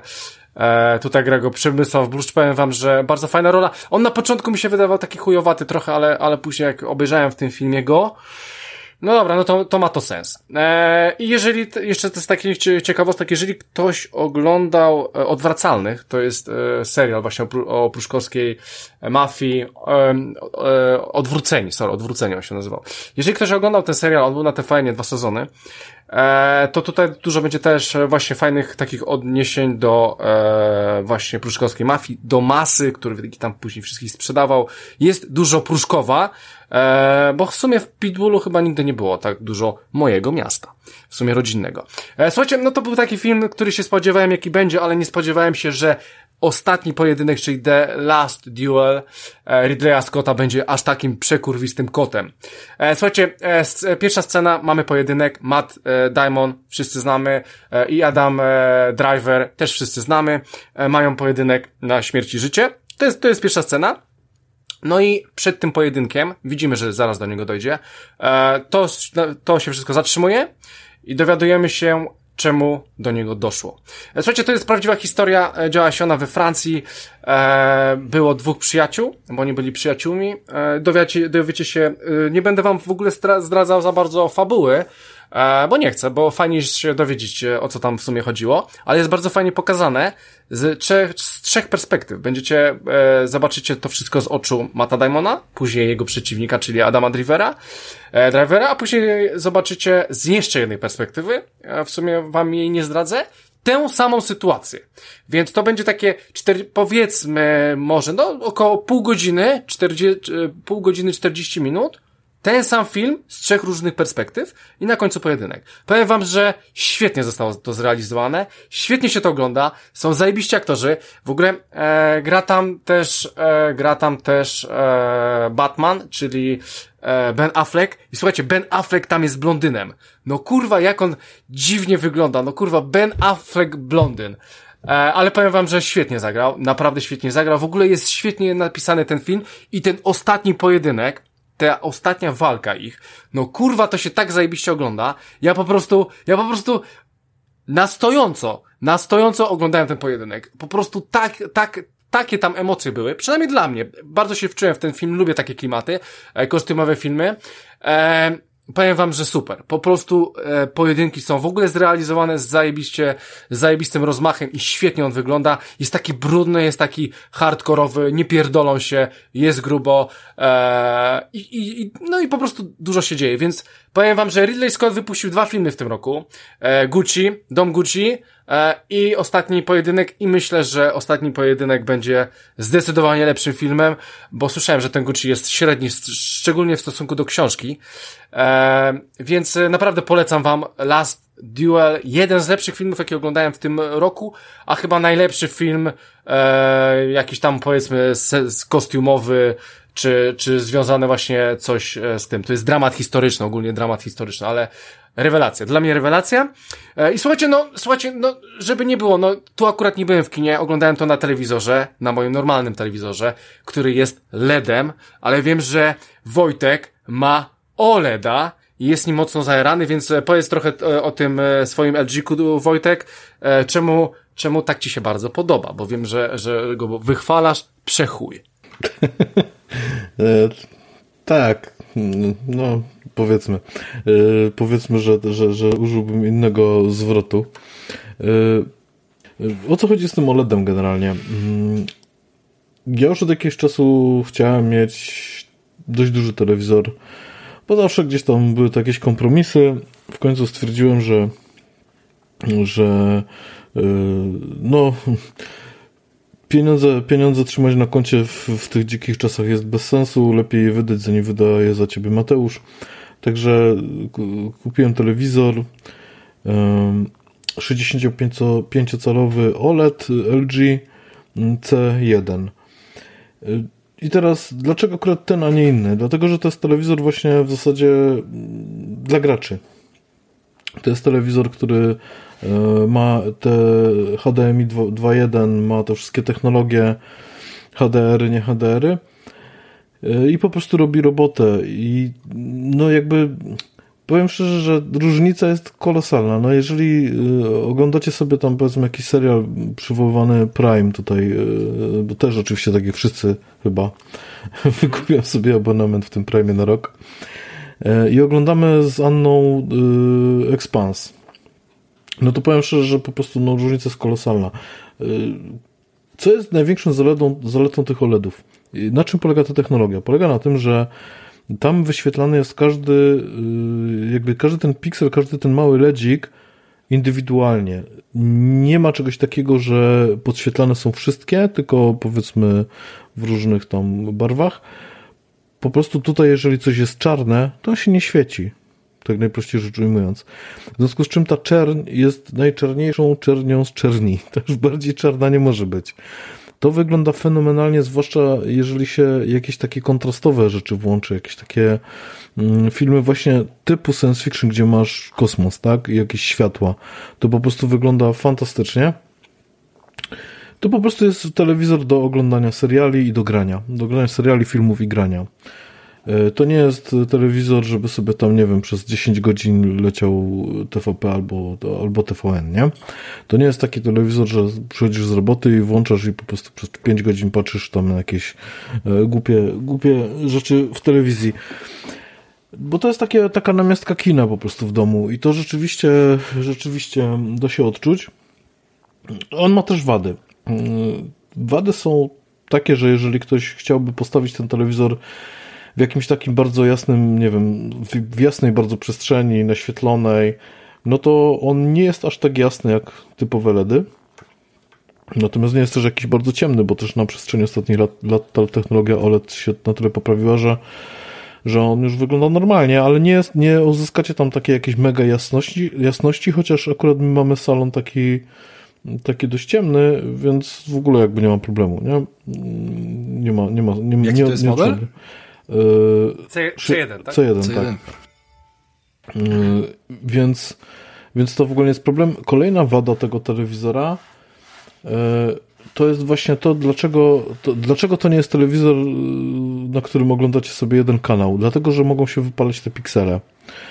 Jeżeli byście tam powiedzmy przez ileś czasu codziennie oglądali przez 10-11 godzin ten sam kanał i tam zawsze byłoby TVP1, no to w tym momencie mm, po prostu ten TVP1 się wam wypali na tym telewizorze prawdopodobnie.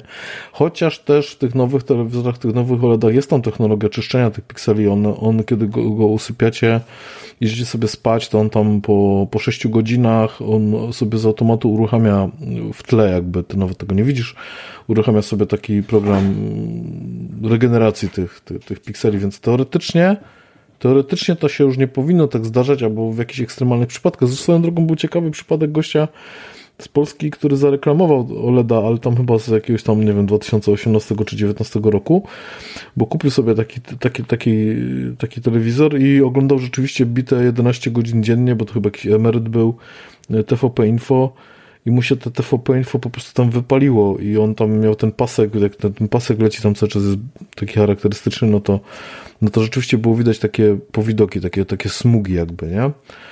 No, ale to już są jakieś ekstremalne przypadki, przy normalnym użytkowaniu to się po prostu nie dzieje, więc trzeba na to zwrócić uwagę, no ale też, wiecie, no, jak to, to jest, to jest taki, to jest takie, takie Porsche wśród telewizorów, tak, że to nie, nie kupujesz Porsche, żeby jechać kilometr do Biedry i z powrotem raz w tygodniu raczej, nie? Tylko jak jeździsz, lubisz jeździć i tak dalej, no to jeździsz na wycieczki i tak dalej, no to, no to po to jest ten telewizor, żeby właśnie jeździć na takie wycieczki. Seriale, filmy, gry, to jest po to stworzone. No i, Ale czy no uważasz, i tak że mówię, jeżeli byś grał tam 100 godzin w Cyberpunka, to by ci się nie wypalił celownik w środku ekranu albo menu od wyboru tam, nie wiem, broni czy coś w tym stylu? To na tej samej ciekawe. zasadzie? Co, co Wiesz co? znaczek? Czy Cyberpunk to może niekoniecznie by Ale się wypalił, wiesz, o co dlatego chodzi, że... zasada, wiem, przy- wiem, już ci, przypadek, już, tak? już ci tłumaczę. Mapka w GTA Cyberpunk akurat może niekoniecznie, bo w Cyberpunku jest dużo rzeczy, tam się dużo rzeczy zmienia, nawet ten, cyber, ten celownik ci się tam, nie wiem, będą co chwilę jakieś cutscenki, może nie wiem, jakbyś go włączył Ale mi na chodzi o zastosowanie dla, gier, dla graczy, nie dla No Cyberpunka. czekaj, no już ci, no właśnie już ci dotłumaczę, tak? Y, Coś tam się cały czas dzieje. Nie wiem, jakbyś grał na przykład tylko w jedną grę, w której zawsze jest ten, ten y, powiedzmy po 8 godzin dziennie byś grał, no to teoretycznie tak, może się coś tam wypalić, jeżeli będziesz miał cały czas ten sam ekran, tak? Jeżeli będziesz miał po prostu non-stop. I to jest problem na przykład, bo ludzie sobie, bo te telewizory są tak dobre yy, dla graczy, bo rzeczywiście one, już te zeszłoroczne edycje były bardzo, bardzo dobrze oceniane. Yy, i tam był, był model 48-calowy. On jest bardzo popularny wśród jakichś takich zakręconych graczy. I ludzie sobie go kupowali jako monitor po prostu.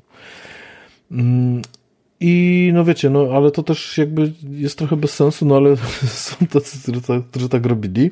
No i w tym momencie masz tego Windowsa, tak? Jeżeli pracujesz na tym Windowsie, no to cały czas masz tam ten pasek, cały czas masz jakieś tam jakieś tam e, ikony, tak? No nie zmienia się ta, ta, ta, ta ekspozycja tam co, co chwilę. Przynajmniej jeżeli na nim pracujesz ileś godzin dziennie. No to tak, no to, no to pewnie oni tam mogą mieć jakieś problemy, ale oglądałem testy na, właśnie na YouTubie, gdzie ktoś tam sprawdzał, jaki jest stan tego, tego telewizora po 6 miesiącach używania go na Windowsie i w zasadzie nie stwierdził żadnych jakichś tam problemów. Nie, nie, nie, nie, nie widział, żeby coś tam mu się wypaliło.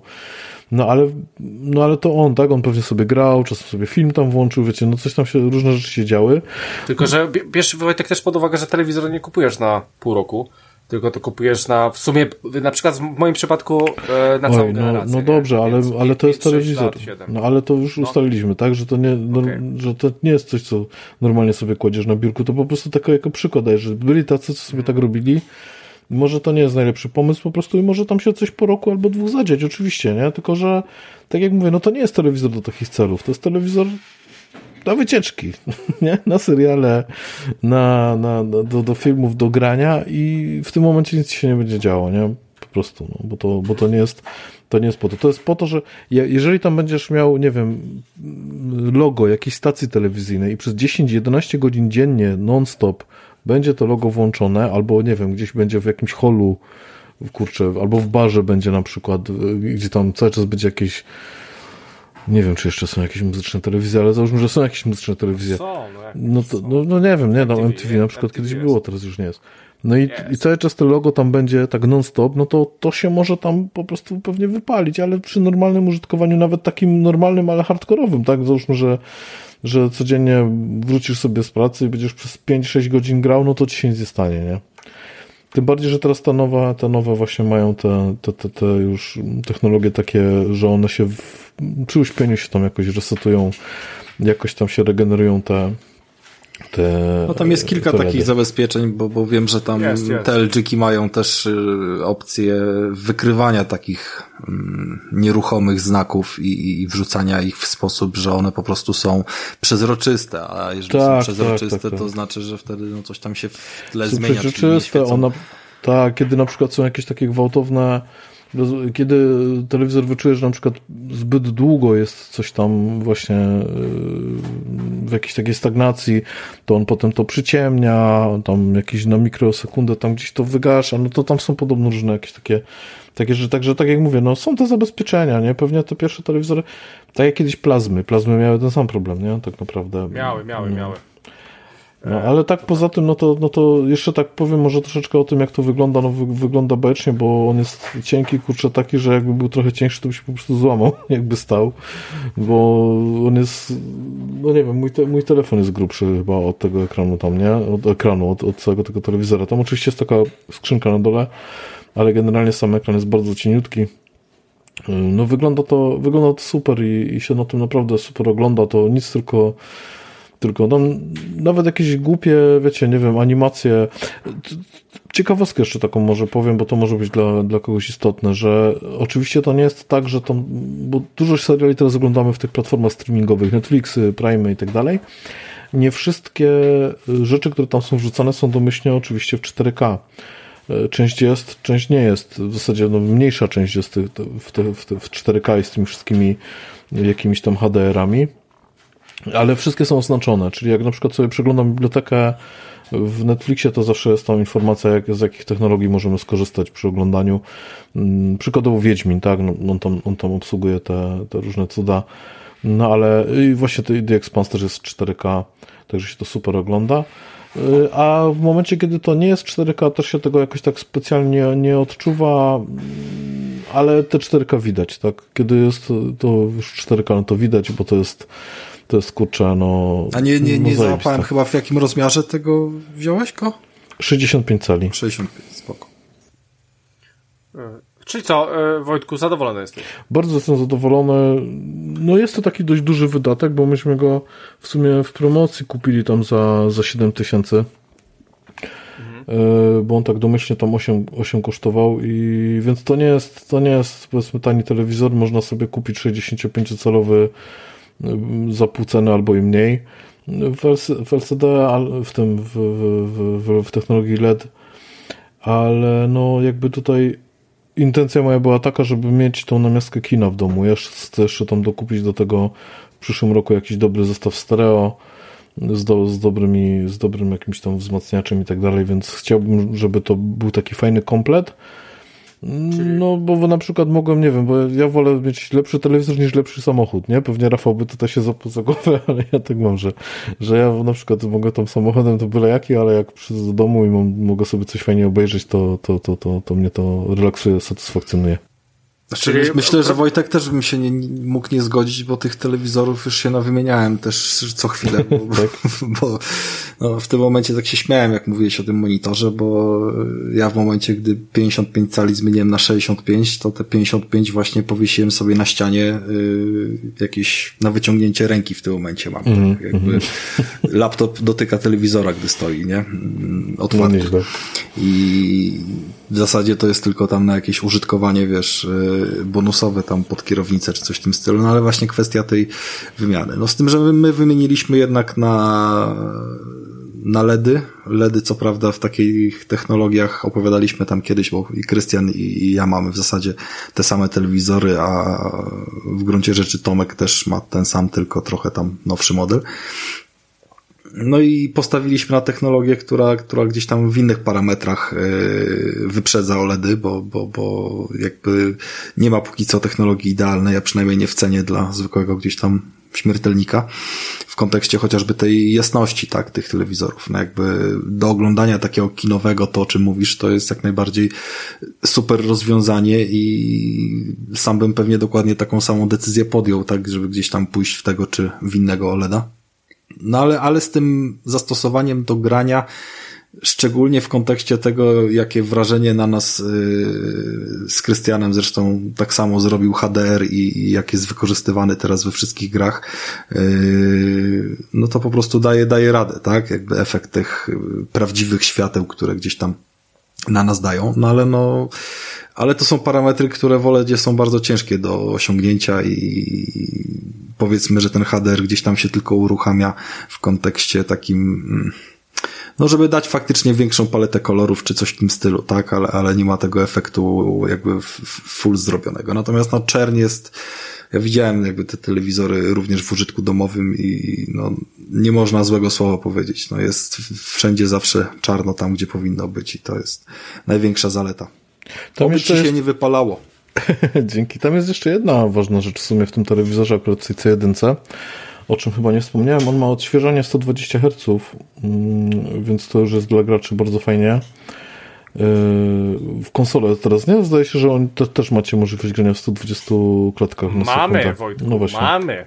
Mamy, choć nie do końca. Mamy, ale nie mamy, znaczy... bo nasze telewizory nie mają HDMI 2.1, więc yy, możemy... Znaczy on, on mówi o konsolach, że konsole, konsole że mają, konsole mają taką tak. możliwość, niektóre gry odpalają jakby w takim trybie się jakieś takie szybkie, fajne mm, hasanko, ale nie powiedziałbym, że to jest jakaś taka różnica, żeby te 120 Hz nad 60 dominowało i nie, nie. Na też 30, mi się, też mi się na tak 30 wydaje, staram tak. się nie patrzeć, ale jak y, mam gdzieś wybór, to raczej idę w 60 klatek niż, to, niż w 30. To, to fakt, że to może nie jest jakieś tam no, jakaś najważniejsza rzecz, chociaż przyznam, że no, niektóre gry, zwłaszcza takie sportowe albo takie, gdzie tam są jakieś, no powiedzmy, nie wiem, jakieś doty czy, czy inne Counter-Strike'i, E, no to, to już jest to już da się odczuć, nie? Tam 120 klatek, e, a 60 jest, jest różnica w tej płynności, chociaż nie jest ona jakaś aż taka, żeby tam nie wiadomo co się działo. 60 klatek w zupełności do normalnego grania według mnie wystarcza.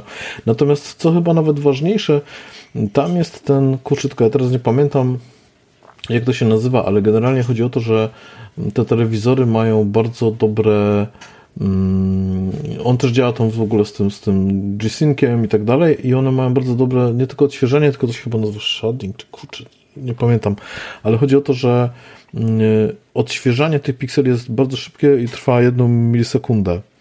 W związku z tym to jest tak jak bardzo dobry monitor do grania. Ma mniej więcej to, to, to takie parametry. Widzę, że ma VRR, ma FreeSync, ma G-Sync. Tak, tak, tak. Także e, dobra, więc... Do, dobry sprzęt i bardzo, bardzo jestem zadowolony. Okej, okay. E, dobra, to słuchajcie, e, przejdźmy dalej w takim razie, e, więc wy, wypadałoby już, jak, jak mamy ten telewizor, obejrzeliśmy już tyle filmów na nim, to co jeszcze można zrobić z takim telewizorem? No słuchajcie, no można dopierdolić do niego Ambilighta. No i wyobraźcie sobie, że kupiłem sobie takiego Ambilighta. Słuchajcie, no nazywa to się Gov, Gov ogólnie, Govi albo Govi, możecie sobie znaleźć to w, interne w internecie. Govi Ambilight, był Black Friday, powiedzmy, miałem dobrą cenę, zniżki, bla, więc sobie go kupiłem, szczególnie, że polowałem na Ambilighta. E, I słuchajcie, kupiłem sobie takiego Ambilighta, tak suma summarum, e, powiedzmy, że to jest tak okolicach trzech, trzech stówek. E, słuchajcie, dostajemy cztery paski, które naklejamy z tyłu telewizora, jak na normalnym Ambilightie, plus i tu jest e, ciekawostka. Dostajemy kamerę, e, która będzie, którą e, montujemy z przodu na górze albo na dole telewizora. Ja zamontowałem sobie na górze, ponieważ i tak miałem na górze kamerę, która po prostu szczytuje obraz taki, jaki macie na telewizorze i takie kolory wam ustawia. Wiadomo, jeżeli oglądacie mecz, no to na dole jest boisko zielone, więc na dole i po bokach będzie zielone, a na górze jak są bandy PlayStation 5 w Lidze Mistrzów, no to wszystko będzie niebieskie, więc e, pół mam taki, pół mam taki. E, więc ogólnie e, instalujemy kamerę na takim telewizorze i ona nam wszystko ładnie szczytuje. E, no i było, była, była zasadność, czy to w ogóle się sprawdza, czy to jest dobre i tak dalej, i tak dalej, więc ja wam ogólnie takiego overalla powiem. Ja osobiście jestem z tego zadowolony. Eee, jeżeli, jeżeli chodzi o samą instalację tego wszystkiego, no to powiem wam, że na początku jak otwierałem to pudełko, one nie jest duże, e, to troszeczkę się przeraziłem. E, przeraziłem się, bo muszę to sam zainstalować. E, w ogóle te paski są zrobione akurat ten zestaw, chyba tylko ten jeden jest, nie, nie wiem czy jest do większych telewizorów, ale ten co ja miałem jest od 55 do 65, z tym, że w tych 55 to praktycznie trzeba uważać, żeby te paski wam nie wystawiały, nie wystawały za telewizor, a jak ja instalowałem na swoim 65-calowym telewizorze, to miałem pewne, e, pewne obawy, że po prostu E, miałem po bokach. Po bokach są e, e, puste przestrzenie. Powiedzmy, że, że na górze mam, nie wiem, 90% tylko, a 5% z lewej, z prawej sobie zostawiłem miałem zawsze problem, że, żebym za bardzo w prawo czy w lewo nie dał, no bo w końcu ja to, ja to przyklejam. To jest wszystko nakleja, to przyklejam. I słuchajcie, te, te cztery paski są ze sobą wszystkie połączone, więc po prostu to łączycie tak jakbyście łączyli, nie wiem, jakiś łańcuszek z lampkami, po prostu mocujecie sobie to do tyłu i to z tyłu podłączacie do takiego małego jakby pilota, E, ten, ten pilot przyczepiacie, jego też można przykleić, e, przyklejacie go z tyłu telewizora e, i tam podłączacie tych, te LEDy i do tego, do tego jakby pilocika, do tego kontrolera, który jest z tyłu, podłączacie zasilanie. E, tam chyba jeszcze coś można podłączyć, ale nie pamiętam. No i oczywiście e, dałem w, e, inaczej. E, no i oczywiście ma, macie dedykowaną aplikację do tego. E, nazywa się to Govi, Go, Govia bodajże, e, co, coś w ten deseń, więc sobie to instalujecie. E, no i sobie przede wszystkim, pierwsze co robicie, no to kalibracja. Kalibracja jest też dosyć dziwna, ponieważ musicie sobie ustawić, aha, trzecią rzecz, którą podłączacie, to jest kamera właśnie. Słuchajcie, tą kamerę ustawiacie sobie na, na górze, ona, ona jest na klej, ja ją przynajmniej postawiłem. No i oczywiście pierwsza, najważniejsza rzecz, kurwa, jak oglądać telewizję z taką kamerą. Powiem wam, że Normalnie w ogóle jej nie zauważam. Może też ze względu na to, że u mnie cały czas staje, stała e, kamera na telewizorze ze względu na PlayStation VR. E, więc po prostu na razie na PlayStation VR dalej e, nie gram za bardzo, więc odstawiłem, ale wydaje mi się, że obok i tak zamontuję kamerę z PlayStation VR i będę, będę miał kurwa dwie kamery, to będzie śmieszne. E, ale powiem wam, że kompletnie mi nie przeszkadza, że taki kikucik wystaje. On oczywiście nie wystaje mi na ob obraz, tylko on wystaje tak troszeczkę do góry, pod powiedzmy jakimś tam, nie wiem, no, bardzo ostrym kątem, tak, że, że on jest, on, on, on nie jest to duże, bo to ma może mieć, nie wiem, 10 centymetrów, myślę, może nie, nawet nie, może mieć go 7 e, i to po prostu sobie idzie tak do góry, aczkolwiek e, na, na ekran. Więc e, pierwsze co mówię, jeżeli w ogóle mieliście jakąkolwiek kamerę, to ta, pomimo tego, że troszeczkę tak bardziej wystaje do góry, nie będzie wam przeszkadzała. Mi osobiście ona nie przeszkadza, mojej dziewczynie też nie przeszkadza i wierzcie mi, że raczej nie będzie to przeszkadzać i to nie jest żaden problem. E, słuchajcie, więc jak sobie już to zamontujecie, no to e, kalibracja. Kalibracja jest świetna, bo dostajecie siedem, siedem e, pomarańczowych takich kropek, e, takich gąbek e, małych, kwadratowych, jeden na jeden i naklejacie w rogu, w rogach ekranu i, i dodatkowo jeszcze po bokach ekranu. I e, patrzycie sobie później na kalibrację i widzicie taki łuk z tej kamery, obraz z kamery i musicie ten łuk przestawić sobie bardzo, e, bardzo blisko tych kropek, po prostu obraz, który tam macie, taką e, linię, która jest połączona, musicie przestawić tak, żeby wszystkie te kropki się łączyły. No ogólnie jest to śmieszne, ale ogólnie jest to bardzo proste i w sumie to się przykleja, ale łatwo się odkleja, więc na telewizorze nic nie zostanie, po prostu to jest potrzebne do kalibracji. Co ciekawe, już widziałem e, filmiki na YouTubie, gdzie, które na przykład e, koleżka, e, nie wiem, 10 minut, e, daje taki filmik, żebyście do, dokładnie wiedzieli, w którym miejscu przykleić. Bo na przykład na dole nie wiecie, gdzie jest dokładnie równo, więc odpalacie sobie na YouTubie, możecie sobie e, e, odpalić to Gov, Govi Calibration, bodajże to się będzie nazywało i będziecie mieli. E, więc tak. E, słuchajcie, więc tak, macie dedykowaną e, aplikację, która tak na dobrą sprawę jakoś tam dużo funkcji nie ma, aczkolwiek, e, aczkolwiek można pobawić się w różne rzeczy, bo można dać, e, powiem o takich standardowych jakichś tam motywach, że e, e, dookoła na przykład wirują te i sobie lecą, lecą dookoła, czy działają na dźwięk, bo na przykład obok macie głośnik i one sobie będą wibrować pod dźwięk, e, czy na przykład różne jakieś tam motywy jakiegoś kominka, że one się tak dziwnie palą, czy jak lampki na choince, w ogóle można robić bardzo fajne rzeczy, takie scenowe rzeczy, które macie w standardzie i naprawdę są spoko, i na, naprawdę są spoko, e, nawet nie na takiej zasadzie, że po prostu oglądacie telewizję i coś robicie, ale nawet nie oglądacie tej telewizji po prostu sobie odpalacie jakieś tam światełka, żeby sobie były. I daje, daje to jakiś tam sens, Eee, ma to, tak, eee, fajnie to nawet wygląda i jest tego bardzo dużo. Tych programów, tych, tych motywów, co te lampki mają wrobić wam za tymi tele, telewizorami, jest po prostu od chuja. Jeszcze trzeba w, w aplikacji zaznaczyć, czy w którą stronę szliście z przyklejeniem tego, czy w, w, przyklejaliście w, mm, tak jak idzie zegarek, czy w przeciwną stronę. Ale to już sobie wszystko tam ogarniecie. I słuchajcie, jak macie sobie, sobie tą, tą swoją aplikację, to ogólnie tego Ambilighta odpalacie na dwa sposoby. Albo na aplikacji, albo na Alexie. Ja akurat używam z Alexy, więc zawsze jej mówię, żeby mi to odpaliła, albo mi wyłączyła, no bo inaczej to się nie odpali. To nie jest synchronizowane z telewizorem w żaden sposób. Tam nie ma, że podłączenia pod HDMI, czego właśnie się bałem i input laga pod właśnie e, Philips e, Hue, więc e, wziąłem te dosyć tanie rozwiązanie, ale w sumie jestem z tego w miarę zadowolony. Więc, więc to chciałem wam powiedzieć. Eee, tak, więc mamy te lampki spoko. Poza tym e, mamy dwa tryby, z których w sumie ja, ja korzystam, chociaż ten muzyczny jest całkiem fajny. To macie jeszcze e, dwa tryby. Do gier i do filmów. Więc w zależności od tego, co robicie, to w aplikacji sobie e, po prostu odpalacie. W sumie ten, ta aplikacja jest zawsze u mnie włączona e, i po prostu klikam sobie albo, albo, albo film, albo e, gram. I teraz tak. E, te lampki, one są podzielone na, na pewne części. Bodajże prawdopodobnie jest ich osiem, e, po dwa z każdej strony, w sensie, że e, obraz może mi dać osiem różnych świateł e, w tym samym momencie. E, w zależności od tego, co dokładnie się dzieje na telewizorze. Czyli po prostu mamy dwa, mm, te paski są podzielone tak troszeczkę jakby na pół, więc w lewym górnym rogu może mi dać inne światło niż w prawym i tak samo jest w, z, z każdym, z każdym brzegiem tego telewizora. Więc ogólnie jest spoko, ale mogę sobie to wyłączyć i mogę sobie zrobić tak, że na przykład jak coś będzie dominowało, to te, to te lampki będą świecić w tym kolorze. Więc e, mogę sobie to ustawić, że jeżeli, nie wiem, mam, e, mam po prostu oglądam, nie wiem, mecz piłki nożnej, to będzie praktycznie, pra, praktycznie zielony i odcienie zielonego. W zależności od tego, co mi złapie. Więc jeżeli kogoś wkurwia, że na przykład e, oszukuje z kolorami, bo, bo, bo takie rzeczy się niestety zdarzają, to może sobie to włączyć i po prostu zrobić sobie jednolity w miarę kolor i nie, będzie miało, e, nie będzie tyle pierdolenia. E, I słuchajcie, i są dwie bardzo ważne rzeczy, jeżeli chodzi o te, o te lampki.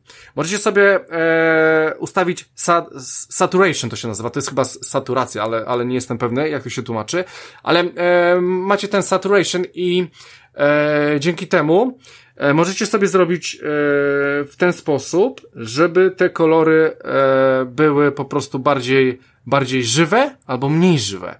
I to jest bardzo spoko. Więc e, ogólnie jest, jest, jest takie założenie, że na przykład jak macie czerwony kolor, to możecie zrobić z niego taki mocno wiśniowy, albo jeszcze tam wjechać na jakąś mocniejszą czerwień, albo po prostu wziąć sobie to ustawić, nie wiem, na 5-10% i ten czerwony będzie taki biało-czerwony, będzie taki, taki, taki wchodził w taki delikatny, rozrzedzony e, czerwień, w zależności od tego, co potrzebujecie. Czy chcecie to zrobić, e, czy chcecie mocne kolory, czy chcecie takie delikatne kolory. To już w zależności od was. Ja sobie to ustawiłem, chyba tutaj mam na 25%, jak widzę.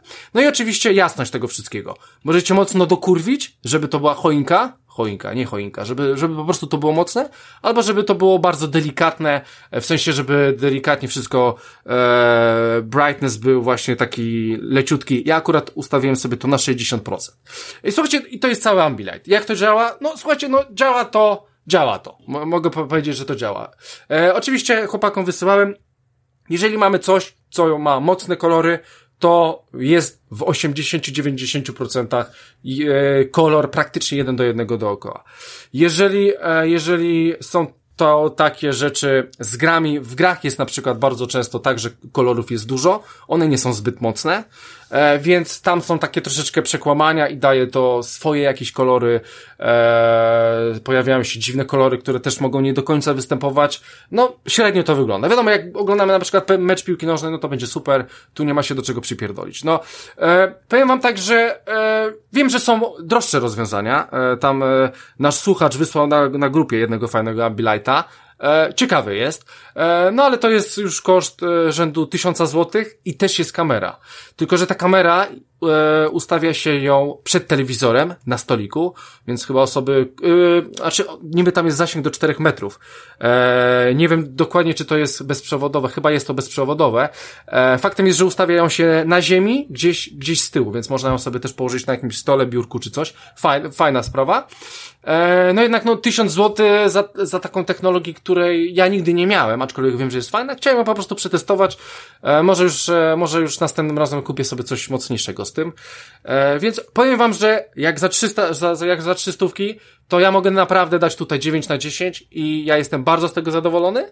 Eee, i, I ogólnie polecam. Jeżeli wam nie sprawia to, że będzie tutaj taki kikot wystawiał, no i oczywiście to, że e, do 7 tysięcy, do, do telewizora za 7 tysięcy nakryjacie jakieś gówno z tyłu, e, no to też musicie brać po prostu pod uwagę, że, że, że coś takiego jest. E, ja tylko się boję po prostu, że jak będę się przeprowadzał, bo pewnie będę się przeprowadzał za jakiś czas, to nie wiem, czy to nie pójdzie się pierdolić, e, bo boję się, że to wszystko jest takie w miarę delikatne i mi się to zjebie. Szczególnie, że tam dużo kabli będzie latało, ja będę to przynosił. E, no zobaczę, szczególnie, że to tam 300 zł, to sobie kupię jeszcze jedno. E, pierdolę to. E, poza tym tak, no słuchajcie, no cena jest super, to naprawdę imersja e, z tym wszystkim jest fajna, naprawdę da, daje to fajne światło. Ja, ja lubię światła, mam Philipsy Hue'a, jestem zadowolony e, z, te, z tego, z takiego powiedzmy, takiego e, lightowego e, Ambilighta też naprawdę jestem zadowolony. E, jedynie jeszcze coś przepisałem w minusach, że jeżeli coś odbija się w telewizorze, to kamera ma problem z rozpoznaniem tego. Nie wiem, ponieważ e, na ogół Ambilighta od, odpalam wieczorami e, i raczej nic mi tam nie, nie atakuje ten telewizor, więc e, do końca o tym nie wiem. Być może tak jest, nie wiem. Faktem jest, że jestem zadowolony. Ogólnie polecam. Ja sobie tak teraz pomyślałem, że trochę ta kamera mnie zniechęciła, tak, bo ja przyznam, tak, że tak. całkiem spoko jest ten Ambilight, ale nie jest to dla mnie jakieś tam mega ważne. Kiedyś, mhm. E, kiedyś tam mm, teściowa miała taki telewizor, no spoko, nie? Ale tam bez szału. W każdym razie sobie pomyślałem, że fajnie by było, jak była taka technologia gdzieś tam przez HDMI, jakiś jest przetwornik, właśnie, taki, że ale już jest. bez kamery. To jest to, to drugie rozwiązanie, o którym mówił Krystian. Ale mówił przed chwilą, że tam jest też jakaś kamera, nie? Nie, jest jeszcze trzecie za 1500 zł. Już sporo. Podłączasz sobie to pod, e, podłączasz sobie to właśnie przez HDMI do takiego jakby boxa, z tym, że pojawia się input lag w grach, więc w, w, ogóle, w ogóle dla graczy to odpada. Poza tym, e, jak chcesz na przykład 4K bodajże i 60 klatek, to, to przez to nie przejdzie to ma wąskie gardło, to przez to nie przejdzie. Więc e, takie Full HD 60 klatek spoko, 4K 60 klatek nie dziękuję. Czyli mówimy Więc o co samym, to jeszcze... ale jak, jakby to, bo ja myślałem raczej o takim rozwiązaniu, że masz że podłączasz sobie do HDMI takie jakieś główienko typu właśnie ten Mystic, yy, tylko że on tam powiedzmy Ale no on musi mieć przesyłowość, i... jakby wciąż dalej.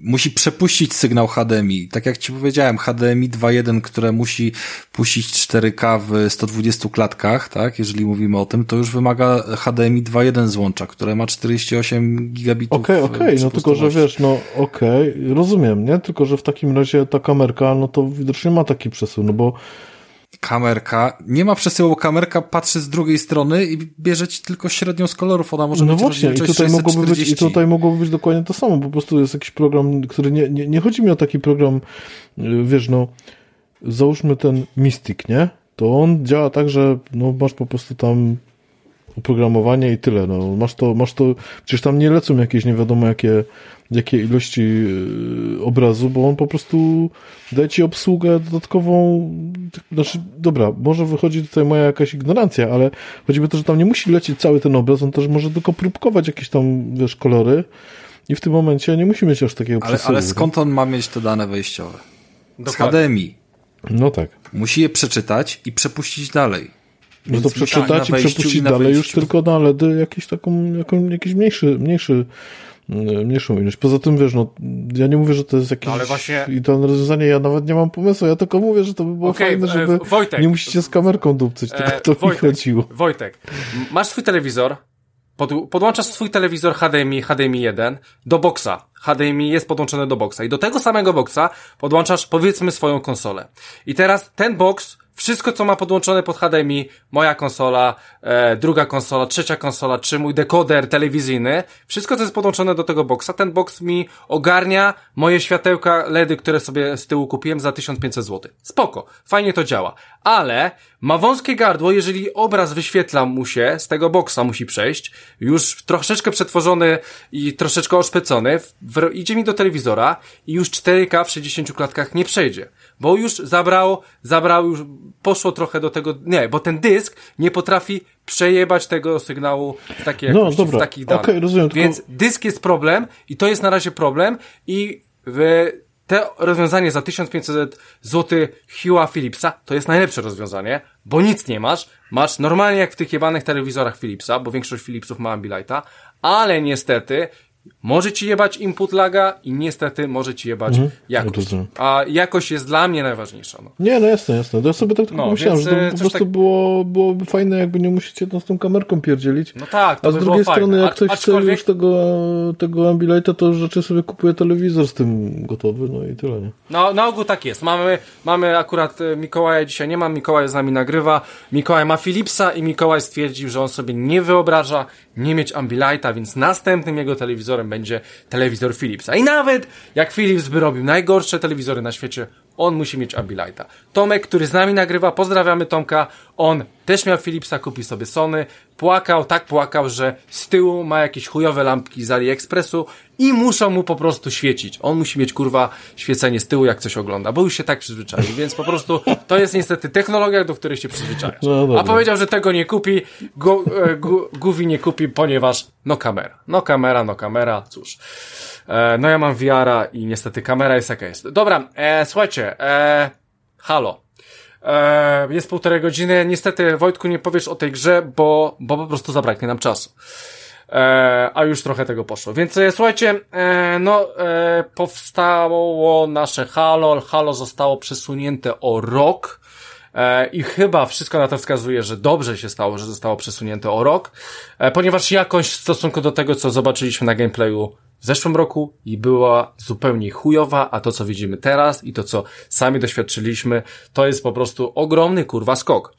E, słuchajcie, do tego stopnia, że na The Game Awards w 2021 Halo Infinite zostało grą, e, którą po prostu fani pokochali i e, wygrało tak jakby konkurs publiczności na najlepszą grę dla fanów, więc fani oddali najwięcej głosów właśnie na Halo Infinite. I zrobili e, to, to jeszcze no... przed premierą, to jest najlepsze. I to jeszcze, i to jeszcze przed premierą kampanii, tak na dobrą sprawę. No kampanii, przed premierą kampanii. To był do... spryt, e... sprytny bardzo ruch, żeby było głośniej. Więc słuchajcie, słuchajcie, e, będziemy sobie mówić o Halo. Zróbmy Rafał tak, e, bo ja dużo teraz mówiłem, więc chcę sobie zrobić małą przerwę. Więc e, słuchajcie, Halo to kampania multiplayer. Ja mam 30 godzin w kam, w multiplayerze. Liznałem trochę kampanii. Rafa ma dużo więcej w kampanii, więc Rafale zacznijmy od ciebie, więc poopowiadaj trochę o Halo, a jak będziesz mówił coś niemiłego, to ci się wpierdolę w zdanie. Och, jak cudownie.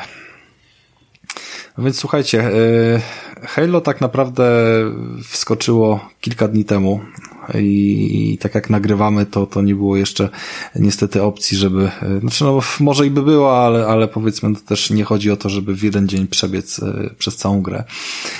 Niemniej jednak gdzieś tam jestem już w połowie i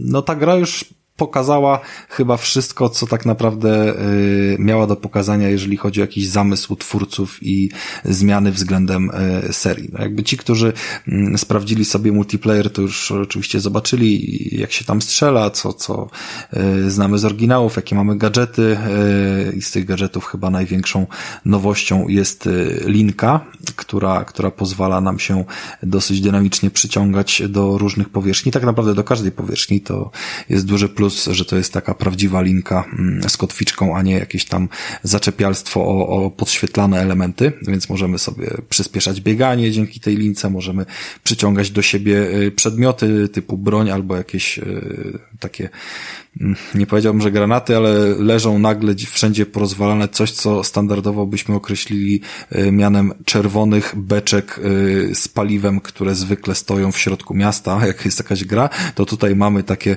kwadratowe beczki z e, substancją wybuchową, czy tam jakąś energetyczną i sobie nimi rzucamy i one albo strzelamy do nich, one wybuchają. Jest taka też, tego nie kojarzę, żeby to się gdzieś tam pojawiało wcześniej jakoś jakoś innych częściach chyba nie było, Krystian, nie? Nie Niczego wiem, nie takiego. Wiem. E, powiem tych... ci, że ostatnio w co grałem to w, w Halo 3 E, więc kompletnie nie pamiętam. Wiem, wiem, że ty przechodziłeś piątkę. Przechodziłeś piątkę. No właśnie przechodziłem w czwórkę i piątkę jakby przez y, wszystkie tak naprawdę poza Richem jeszcze, który mm, mam gdzieś tam odpalony do, do, do nadrobienia.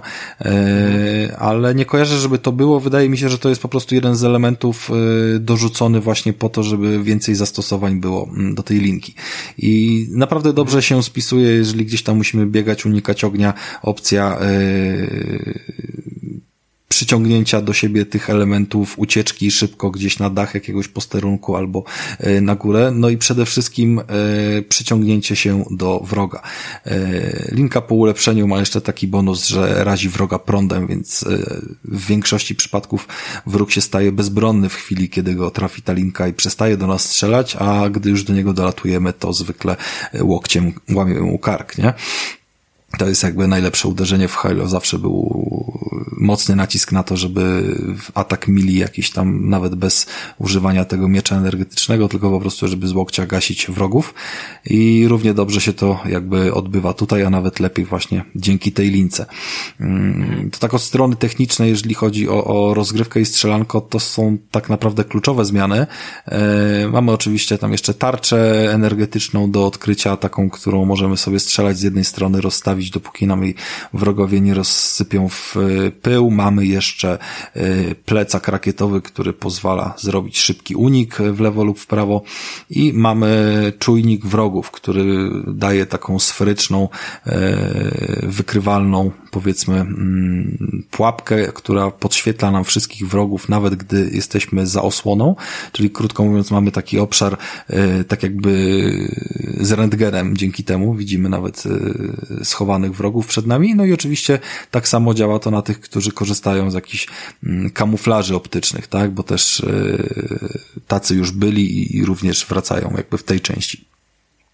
To tak od strony technicznej, strzelankowej yy, muszę powiedzieć, że bardzo, yy, bardzo fajna jest dynamika, jakby poczucie bycia tym kozackim Masterchefem przez całe szeregi tych wrogów się gdzieś tam możemy sprawnie przebijać, yy, ale nie powiem, że to zawsze jest łatwe. No jakby jeżeli chodzi o poziom trudności, ten klasyczny, normalny, na którym powiedzmy, że yy, zwykło się grać za pierwszym razem, to jak najbardziej są momenty, w których się ginie i o ile zwykłe takie mm, kill roomy, powiedzmy, w których gdzieś tam przebiegamy sobie przez zastęp wrogów, no to jak raz nam się nie uda, to zwykle za drugim razem yy, jakąś inną zastosujemy taktykę i nam pójdzie, chyba że się uprzemy, że chcemy zrobić jakąś konkretną, fajną akcję, no to, to kilka prób może być gdzieś tam potrzebnych.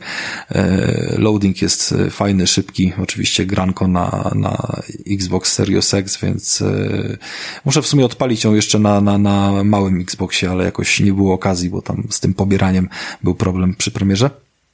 Eee, no to idzie oczywiście zginąć, jakby nie jest to nic e, zaskakującego, e, ale również pojawiły się walki z bossami. To są tacy bossowie, którzy e, już mają konkretny pasek życia, dodatkowo też pasek pancerza, który najpierw musimy zbić im do zera, dopiero wtedy stają się na nasze obrażenia otwarci i jeżeli gdzieś tam zaczniemy się chować, uciekać, szukać innej broni, to im się oczywiście pancerz odnowi, będziemy musieli znowu gdzieś tam go zbijać do zera. Mhm warto e, też, tak? E, Rafa, bo, ja, bo o tym strzelaniu powiedziałeś i, i, o tym e, poziomie trudności. Ja w ogóle na początku, jak, jak zacząłem, zacząłem grać tą kampanię, to tak sobie stwierdziłem, kurczę, za łatwo jest. Szczególnie, że w multiplayerze już miałem najebane tyle godzin. Tak sobie powiedziałem, nie, no chyba to zwiększa poziom trudności, ale jak tak później pograłem, to tak stwierdziłem, kurwa, co chwilę muszę zmieniać te bronie, bo nie mam tej jebanej amunicji. Więc już tak sobie powiedziałem, kurde, strzelać tymi pistolecikami. Później, później naprawdę za, za, zaczyna się robić ciepło, więc ja pomyślałem, a na razie zostawię, zobaczymy co będzie dalej. Więc e, e, nie wiem jak u ciebie z poziomem trudności. E, czy myślałeś sobie na przykład, żeby sobie podnieść? Czy jest ok? E, pamiętasz ile razy zginąłeś w Halo? Czy ginąłeś w ogóle w Halo? No, ginąłem, właśnie mówię, że ginąłem dosyć sporo. Jakbym to miał przyrównać do innych gier, to, to Aha, okay. było, było trochę tych śmierci. Zarówno mówię na zwykłych killroomach, jak i przy najwięcej śmierci miałem przy walkach z bossami, tak? To podkreślam. I to jakby tych walk y, było już kilka, plus yy, coś, do czego zaraz przejdę, jakby kwestia, że mogło być ich dużo więcej. Yy, te walki z bossami są w jakiś sposób tam zaprojektowane, tak? Mamy albo obszar otwarty, albo obszar zamknięty. Wrogów mamy wyposażonych w konkretne bronie, które yy, na tym czy na innym jakby obszarze sprawiają nam większą trudność. Jest, jest walka z gościem, który po prostu atakuje nas e, młotem i tak naprawdę może nas prawie, że jednym strzałem od razu zabić, tak? Czy tam, jeżeli delikatnie jesteśmy naruszeni, to praktycznie kolejne uderzenie zaraz już będzie zgonem gwarantowanym. I tam się trzeba było też konkretnie gdzieś tam nakręcić i napocić, żeby znaleźć sposób na, na, na rozbicie tego bossa, na jakieś tam znalezienie, powiedzmy, broni, która gdzieś tam była skitrana na tym obszarze i, i no w momencie, kiedy on biega tak gdzieś tam za nami szybko, lat wali tym młotem, to, to nie mamy miejsca, żeby spokojnie się mm, do tego, do tego pojedynku przygotować, tak? Więc y, są takie momenty, kiedy jest y, trochę ciężej. Wczoraj wieczorem też miałem z jedną walką y, problem i, i w sumie nie miałem pomysłu, jak się przez nią przebrnąć. Było akurat na otwartej przestrzeni gdzieś tam trochę więcej możliwości do wykorzystania, z uwagi, że to było właśnie e, na dużym terenie, to nawet tam się pojawiały jakieś pojazdy i tak dalej. E, co więcej, nawet jeden z tych dwóch bossów, bo to jest taka, powiedzmy, parka mm, atakująca nas e, gdzieś tam naraz z dwóch stron, od razu na dzień dobry był z pojazdem, no i jakby to, to gdzieś tam powoduje dodatkowy problem, bo my nie mamy niczego, a on gdzieś tam już sobie lata strzela, no i w pojedynkę potrafi z tym być y, trudno, tak? I tutaj wchodzi kolejne zastosowanie linki. Okazuje się, że linka jest również zajebistym sposobem na to, żeby wystrzeliwując ją w pojazd po prostu się po prostu go przechwycić. Nieważne, czy gramy z bossem, czy jakimś zwykłym ludkiem, który tam jest, czy to jest wieżyczka, czy to jest y, Banshee, czy to jest jakiś inny y, motorek, ten jednokołowy, który, mm, którym jeżdżą te, te, te zwierzaki to na każdy z nich możemy wskoczyć po prostu dzięki tej magicznej lince. To jest super rozwiązanie, bardzo gdzieś tam pomaga yy, dynamice, można naprawdę świetne dzięki temu robić akcje, na przykład yy, miałem taką walkę z dwoma yy, Banshee, czyli te latające tak już wysoko, wysoko mm, E, ich, ich zjawy strzelające i można było wyskoczyć z jednej z nich i jednocześnie się wbić do drugiej w locie. Więc y, zamiast się gdzieś tam latać i strzelać na siłę, czy, czy wiesz, y, upierać się, żeby koniecznie gdzieś tam doprowadzić do zniszczenia tej maszyny, y, to po prostu można było przechwycić. To było gdzieś tam też w miarę prostym rozwiązaniem. No oczywiście to kwestia trochę czy farta i umiejętności, czy się uda, ale fajnie, że takie opcje są. Więc fajnie. Ja w ogóle, e, ja chciałem Rafale o tej lince powiedzieć, że bardzo mi się spodobał feeling tej linki, że to jak można ją używać, na ile sposobów można ją używać i w ogóle jak ona zajebiście działa i to co się dzieje z twoją postacią, jak jak się przyciągasz do tych na przykład pomieszczeń, bo tam gdzieś skaczesz czy coś, jak to jest naturalnie fajnie zrobione. Jest zrobione z bardzo Powiem taką ci, że... przyjemną fizyką, chyba tak, o to ci chodzi, tak? Bo, że... bo, bo grałem w parę gier, które chyba też, te, też miały podobny mechanizm, ale naprawdę nie działało to tak fajnie jak tutaj. To prawda, jakby jeżeli chodzi o linkę, to uważam, że została mistrzowsko zrobiona i właśnie kwestia ciężaru postaci, który wiadomo w tym pancerzu swoje trochę gdzieś tam waży. Jeżeli mamy jakiś impet, yy, załóżmy biegniemy w jakąś stronę albo wyskoczymy w jakimś kierunku i wystrzelimy tą linkę nie przed siebie, tylko w kierunku lewym, prawym jakiegoś obiektu, to my będziemy przyciągani przez tą linkę, ale jednocześnie będziemy oczywiście tym impetem lecieć e, do przodu, tak? Linka nie przyciąga nas zawsze do punktu zakotwiczenia. To jest jakby taki mechanizm, że ona nas e, przyciąga w kierunku zakotwiczenia przez powiedzmy jedną sekundę. I jeżeli po prostu nasz impet y, nie pozwoli na to, żeby gdzieś tam ona dociągnęła nas do miejsca, to, to się wcześniej zerwie, tak? No jakby tak to y, działa, więc czasami trzeba sobie gdzieś tam wyskokiem y, pomóc, żeby gdzieś tam ona wskoczyła, czasem trzeba wręcz przeciwnie, gdzieś tam jakieś zastosować jakieś ciekawe ruchy, ale grunt, że to działa w taki naturalny sposób, który jesteśmy w stanie się nauczyć przewidzieć, jakby to nie jest jakaś udawana zabawka, która zawsze nas, mm, no nie wiem, dociągnie do celu, zmieni, no tak, tak. zmieni gdzieś tam impet naszej postaci i tak dalej, prawda? Czy zrobi to, ale w sposób taki, jaki byłby oczekiwany, więc, więc to jest dobre, dobre rozwiązanie. Mm.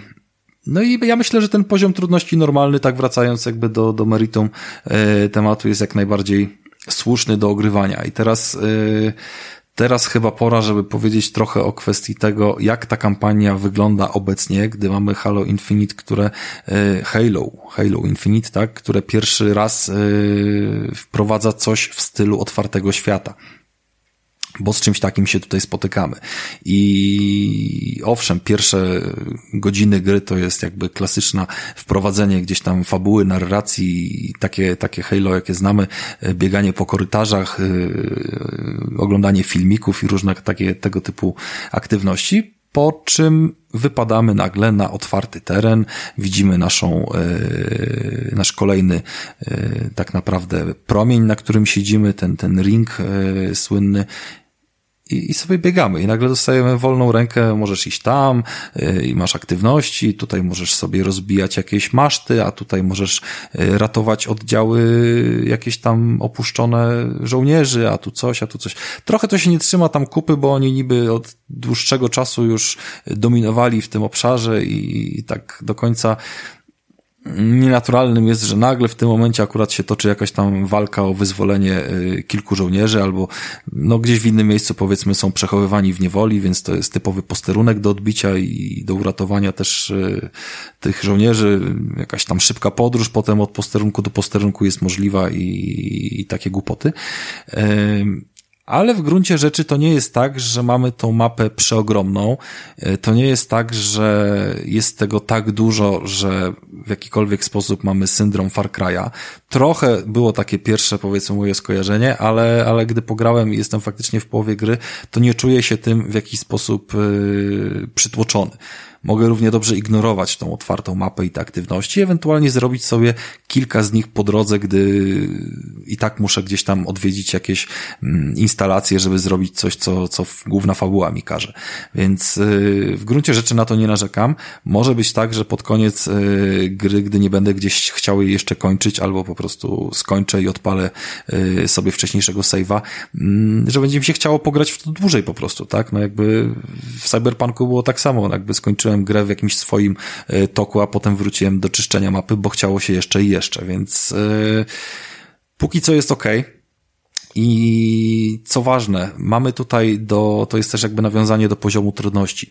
Mamy tutaj wprowadzone coś, co pozwala nam yy, ulepszać postać, chyba tak należy powiedzieć, że zdobywamy powiedzmy jakieś, to się nazywa rdzenie, yy, które dają nam punkty do wydania i ulepszenia każdej z tych naszych e, wspaniałych e, rzeczy, które mamy na pancerzu zamontowane, czyli ta linka, czyli e, te osłonki, silnik rakietowy i tak dalej. Czyli wiadomo, większy zasięg, szybsze działanie, jakieś takie tam proste usprawnienia, ale na pewno one pomagają, jeżeli chodzi o tą rozgrywkę, chociażby kwestia mm, podstawowej linki, która nie razi prądem, a, a ta, która już jakby jest ulepszona, to jest wręcz wymóg mógł, tak? No tyle, że parę punktów dostajemy y, idąc po prostu torem fabularnym, więc raczej to będą takie mm, powiedziałbym banalne już dla każdego do osiągnięcia, nawet jak ktoś nie będzie w ogóle po tej otwartej mapie biegał, to i tak y, zdobędzie sobie jakieś te kilka podstawowych aktywności. Znaczy nie aktywności, tylko ulepszeń y, asortymentu. I w gruncie rzeczy, jeżeli komuś będzie szło powiedzmy tam gorzej, to, to może sobie właśnie w tym kierunku pójść, no bo jeżeli zbiorę kilka rdzeni, ulepszę sobie tarczę, to mi z tą tarczą o wiele lepiej pójdzie spotkanie z wrogami, tak, bo więcej ona gdzieś tam wytrzyma.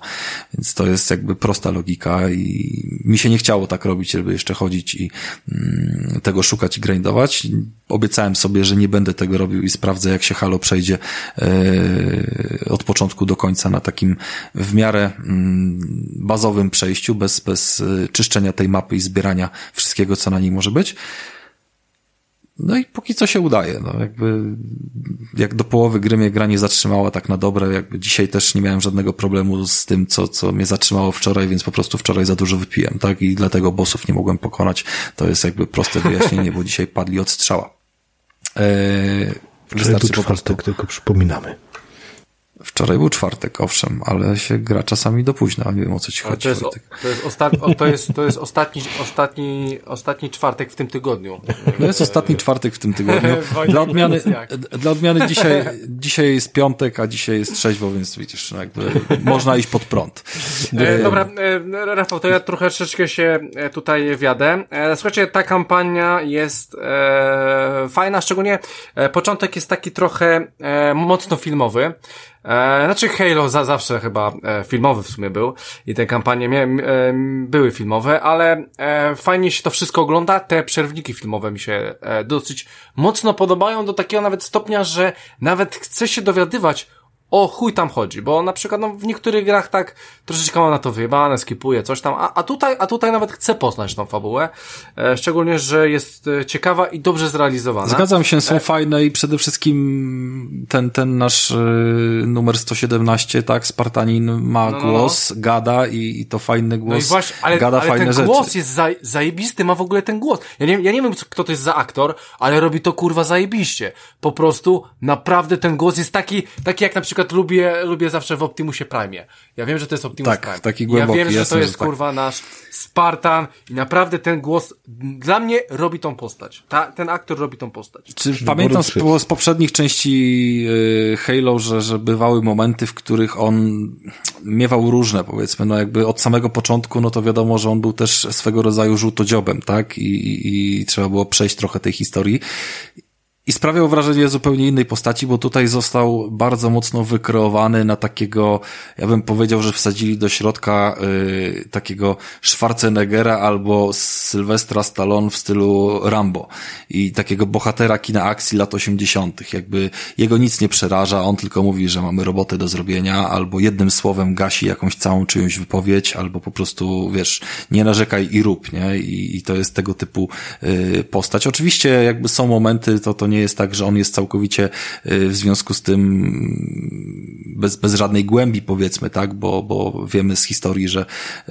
fabularnie tam bywały cięższe momenty, tak, związane z Cortaną, które tutaj zresztą mm, też do nas wracają i sobie o nich często rozmawiamy, więc są momenty, kiedy tak naprawdę no, możemy tego Master Chiefa naszego trochę więcej poznać, trochę więcej dać mu pogadać, ale tak normalnie na co dzień, jak przychodzi czego, to wjeżdża lata 80., jest y, rozpierdol i ja wszystko załatwię, ty poczekaj, mam do zabicia 500, y, wiesz, glonojadów tam na zewnątrz, nie? Jakby, dlaczego miałoby to komukolwiek robić jakąś przeszkodę? No. Więc taki, taki jest klimat. Trochę, nie wiem, czy zwrócić na to uwagę. Możliwe, że to w późniejszych scenach, kiedy wyjeżdżamy na te otwarte światy i trochę inne światło pada niż w tej części początkowej, to jest to bardziej zauważalne, ale mm, sama postać jest wykonana bardzo ładnie, jest y, super jakby no model w ogóle wiadomo tego pancerza, jego tam uszkodzenia, obdrapania, jakieś takie efekty są super przygotowane, pięknie błyszcząca szybka w hełmie, tam cały czas jakieś odbicia w niej i w ogóle y, i bardzo często mamy tego y, jakby pokazany ten pancerz, tak? Na wszystkich filmikach wyjeżdża nam ładnie kamera z jego głowy, pokazuje różne skoki i, i, i tam ujęcia i potem z bliska dialogi, a na końcu wjeżdżamy z powrotem jakby w tył jego głowy i płynne przejście do tego momentu, kiedy zaczynamy nim y, kierować, kiedy przechodzimy mhm, do gry. Wiem, wiem, wiem, wiem o co ci chodzi, no, no, no. I z uwagi na to, że my tak naprawdę przez większość gry poza tymi scenami y, mamy, mamy widok FPP, to wiemy no, na przykładzie wielu innych gier, że tak naprawdę no, model postaci nie jest w tym wypadku najważniejszy. Y, no ale jest w momencie, kiedy oglądamy filmy i wiemy, że jakby kiedy, kiedy gry, które mm, starają się bardzo mocno podkreślić to, jakie mają fajne przerywniki, jak dobrze jest fabuła odzorowana, pokazują super wspaniałe postacie, tak? Jakby fotorealistyczne prawie, że twarze gdzieś tam oddają ich mimikę i tak dalej. No tutaj tej mimiki nie mamy, tak? Tu mamy hełm, więc wszystko, co powinno robić nam mega wrażenie, to jest ten hełm, który widzimy z bliska, czasami z bardzo bliska. I mnie to boli, bo uważam, że on ma za niskie tekstury. Ja nie czuję, żeby to był jakby pancerz odwzorowany w jakby w szczycie technologii, na którą nas stać, bo autentycznie Dobra. widzę rozmazania takie, kiedy malowałem sobie auta w Forzie i naklejki jakieś dawałem, wiesz, na, na, na, na coś, to było widać, że to jest niższej rozdzielczości jakby, wiesz, yy, grafika, którą się nakłada, niż załóżmy tekstura lampy obok, tak, reflektora tylnego, czy coś w tym stylu.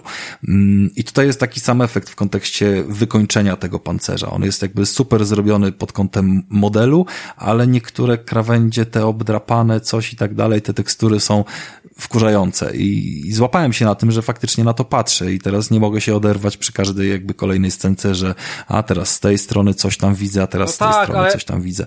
Ale Rafale, ile razy ty to widzisz? Znaczy, znaczy słuchaj, się... tylko przy scenkach, ale to jest taka no rzecz, właśnie, która no zaczyna to... nas denerwować, jakby no umówmy się, to nie jest poziom yy, irytacji, taki jakim gdzieś tam miał internet przez rok, gdy zobaczył, yy, Boże, jak ten się, Craiga, tak? Craiga, Z no. pamiętnego filmiku.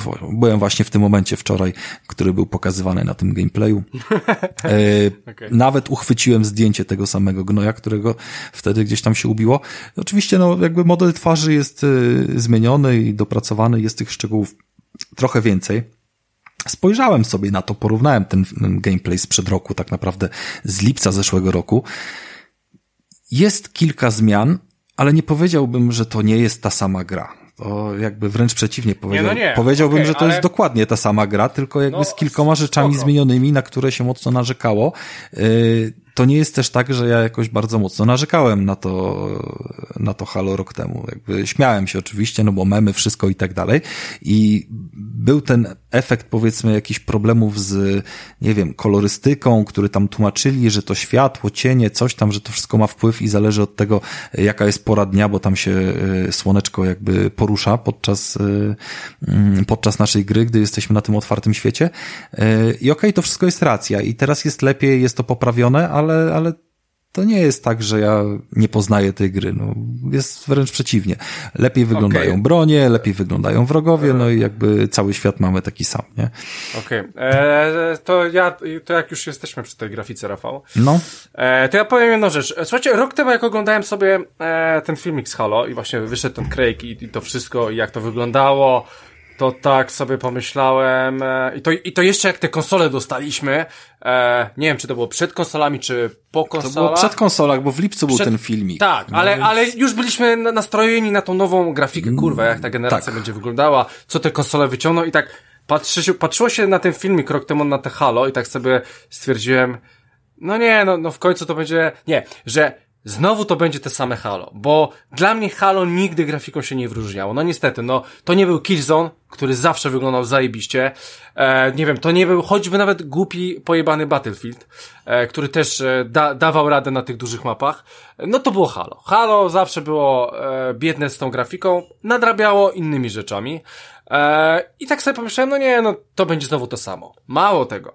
Jak dostałem tą pierwszą alfę multiplayera, e, tą pierwszą, pierwszą, w którą grałem i, zoba i, i, i, i pograłem sobie w, w to, no to dalej ten level, jed, ta jedna plansza, którą się grało i to z botami, no to dalej stwierdziłem, że no, no nie, no szału nie będzie, aczkolwiek, acz, aczkolwiek bardzo fajnie się w to gra.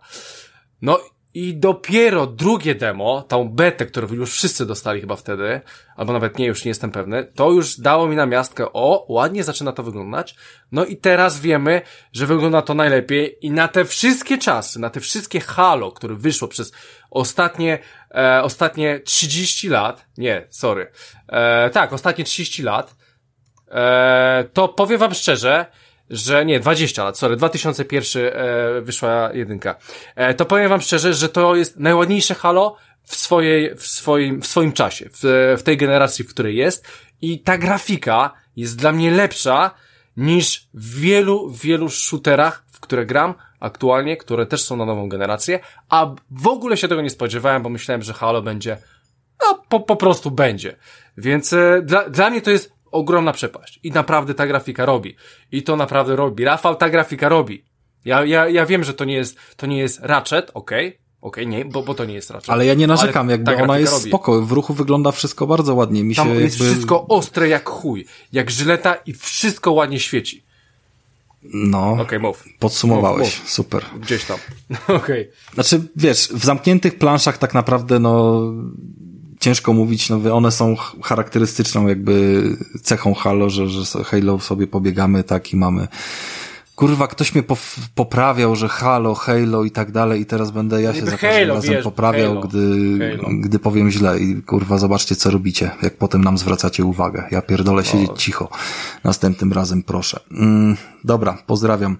Yy, chodzi o to, że grafika jak najbardziej wygląda ok ona nie wyglądała dla mnie dramatycznie również rok temu na tym pokazie, jakby okej, okay, poleciliśmy nie, sobie, to, były to śmieszki na... i, i w ogóle, ale jakby dalej jest ok I, i, i, uważam, że poprawili to, co miało być do poprawienia. Jakby nie, nie narzekam w żaden sposób na tą grafikę. Co więcej, jakby wcześniej każdy fragment mapy, który był y, do pobiegania gdzieś tam na zewnątrz, był bardzo malutki, a tutaj jakby podczas y, zrobienia tego otwartego świata, pomimo, że on nie jest taki, że cały czas jesteśmy na wielkiej, ogromnej mapie i, i jakby, wiesz, mm, żeby mnie źle nie zrozumieć, y, tam są jakieś miejsca, gdzie się trzeba chyba przelecieć samolotem, coś tam jakby, nie wiem, czy z buta dojdziemy w każde miejsce, gdzieś tam chyba trzeba jednak z jednego fragmentu na drugi się e, przedostać mhm. no po prostu tak, siłą rzeczy, szybką podróżą, dlatego, że my tak naprawdę jesteśmy w tej właśnie zniszczonej części tego pierścienia, prawda? E, I tam się rozgrywa gdzieś tam akcja. Ale wygląda to o wiele lepiej niż w poprzednich częściach, gdzie po prostu wychodziło się z punktu A i dochodziło się do punktu B, a po drodze nam na górze, na niebie niebie symulowane było, że to jest wielki pierścień z wielką, ogromną, e, wiesz, e, mapą kosmiczną, tak? E, tutaj mamy większy wycinek po prostu tego pierścienia i z każdej strony gdzieś tam jest w nim, no jakby trochę przyjemnych elementów. Co prawda, brakuje mi trochę póki co różnorodności. Możliwe, no jakby nie chcę wydawać w tym, w tej kwestii werdyktu, bo, bo, bo pół gry to nie cała i być może jeszcze nie wszystkie lokacje, yy, znaczy na pewno nie wszystkie lokacje zwiedziłem, ale być może nie wszystkie są, yy, na zasadzie, może nie chodzi o to, że kopiuj wklej, tylko po prostu z tego samego settingu takiego, yy, wiecie, trawka, drzewa i rozpierdolone statki leżące dookoła, nie? Yy, więc zobaczymy, zobaczymy jak tam będzie y, do końca, ale na pewno bawię się świetnie. Na pewno jako w gruncie rzeczy, no jakby lubię tą serię, mogę powiedzieć, że, że fanem kampanii akurat jestem jak najbardziej i z przyjemnością je gdzieś tam zawsze ogrywałem i na pewno tą się ogrywa lepiej niż y, poprzednią. Wydaje mi się też, że, że lepiej niż czwórkę. Y, w gruncie rzeczy to gdzieś tam taki poziom jest bardzo mocno oldschoolowy, jeżeli chodzi o Y, klimat, który zapewnia, natomiast no, technikalia tej strzelanki są już dopasowane do naszych gdzieś tam dzisiejszych realiów, tylko no wiadomo, zachowane są standardy dla silnika Halo, Halo, czyli po prostu bieganie, żonglowanie brońmi w bardzo jakiś tam dynamiczny sposób, bo ciągle gdzieś tam brakuje amunicji. Chociaż kurde nie, w zasadzie powiem Ci szczerze, że ja nie odczuwam braku amunicji, bo a ja właśnie odczuwam. Ale to jest kwestia miejsca, w którym jesteś, jakby, Krystian, to jest kwestia miejsca, w no, którym no, jesteś oraz ewentualnie muszę... tego, no. że latasz po, po, po mapach w multi, które są pewnie trochę tam inaczej skonstruowane, ale ja mam wrażenie... nie, w multi, Rafał, nie oszukujmy się, w multi nie wystrzelam całej broni i zginę i mamy respawn. No i okej, okay, dobra, natomiast yy, mówię, tam jest inny problem, natomiast tutaj yy, tak naprawdę spotykam się w większości przypadków, jak, jak, jak jak sobie zachciałem grać karabinkami, które mają lunetę i tam są dwa takie, jeden strzela no seriami, drugi strzela pojedynczo, to wydaje mi się, że z 30% gry przeszedłem nie zmieniając tych broni. Wiesz, Krystian po prostu biegnie tak, wiesz, jak Rambo, tak, jak naciska spust, to cały magazynek już musi wystrzelić, nawet do jednego. Nie, nawet, nawet się tak, ale tak się, tam się nie, nawet nie, tak nie da, to nie chodzi o to amunicja się owszem kończy, tylko ja wtedy zmieniam jedną broń na drugą, a potem podbiegam sobie do takiego żółciutkiego punktu, który mówi mi uzupełnij amunicję. I on mi uzupełnia amunicję do każdej broni, nieważne jaką mam. W sensie jeden punkt jest, e, jeden punkt uzupełnia od broni kinetycznej, drugi od energetycznej, jeszcze tam trzeci od e, świetlnej, bo wszystkie te trzy rodzaje broni, które mm, poniekąd znamy z poprzednich części, też się tutaj pojawiają. No i jeżeli latasz sobie z tymi e, karabinkami, no to nie ma problemu. Naprawdę nie zabrakło mi amunicji. E, może mi zabrakło raz w momencie, gdy walczyłem z bossem i on wyjątkowo e, był odporny na te kulki, nie, pestki, no i sobie wtedy zmieniłem na coś innego. Ale tak podczas zwykłego biegania po mapie, dobijania tych gnojków, praktycznie nie spotkałem się z tym problemem, żeby, znaczy z problemem, no jakby tak powinna być de facto ta gra zaprojektowana, że cię do tego mm, mocno zachęca i, i trochę wymusza, ale tak, żeby bardzo wymusiła, to, to, to nie. Okej. Okay.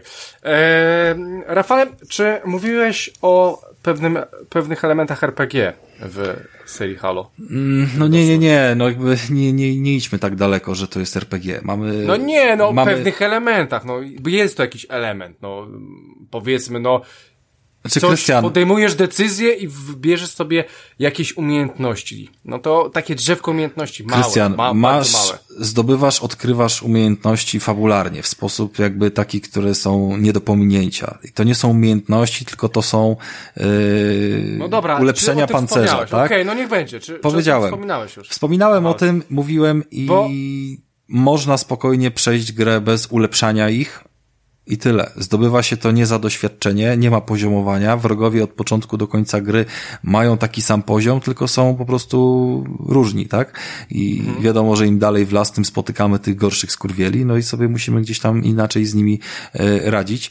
I możemy się wtedy dokoksić. To mówiłem przy okazji jakby poziomu trudności, że jeżeli nam nie idzie, może faktycznie jest dobrym sposobem, żeby zebrać kilka tych rdzeni i sobie podnieść e, poziom tej umiejętności, czy te, tego wyposażenia, którego lubimy korzystać. Wiem, że Tomek tak zrobił i linkę doklepał do piątego tak, y, poziomu rozwoju, y, zanim jeszcze jakby doszedł fabularnie tam, gdzie ja byłem, bo po prostu taki miał sobie zamysł na to, że linka mu się podoba i chce mieć ją y, lepszą.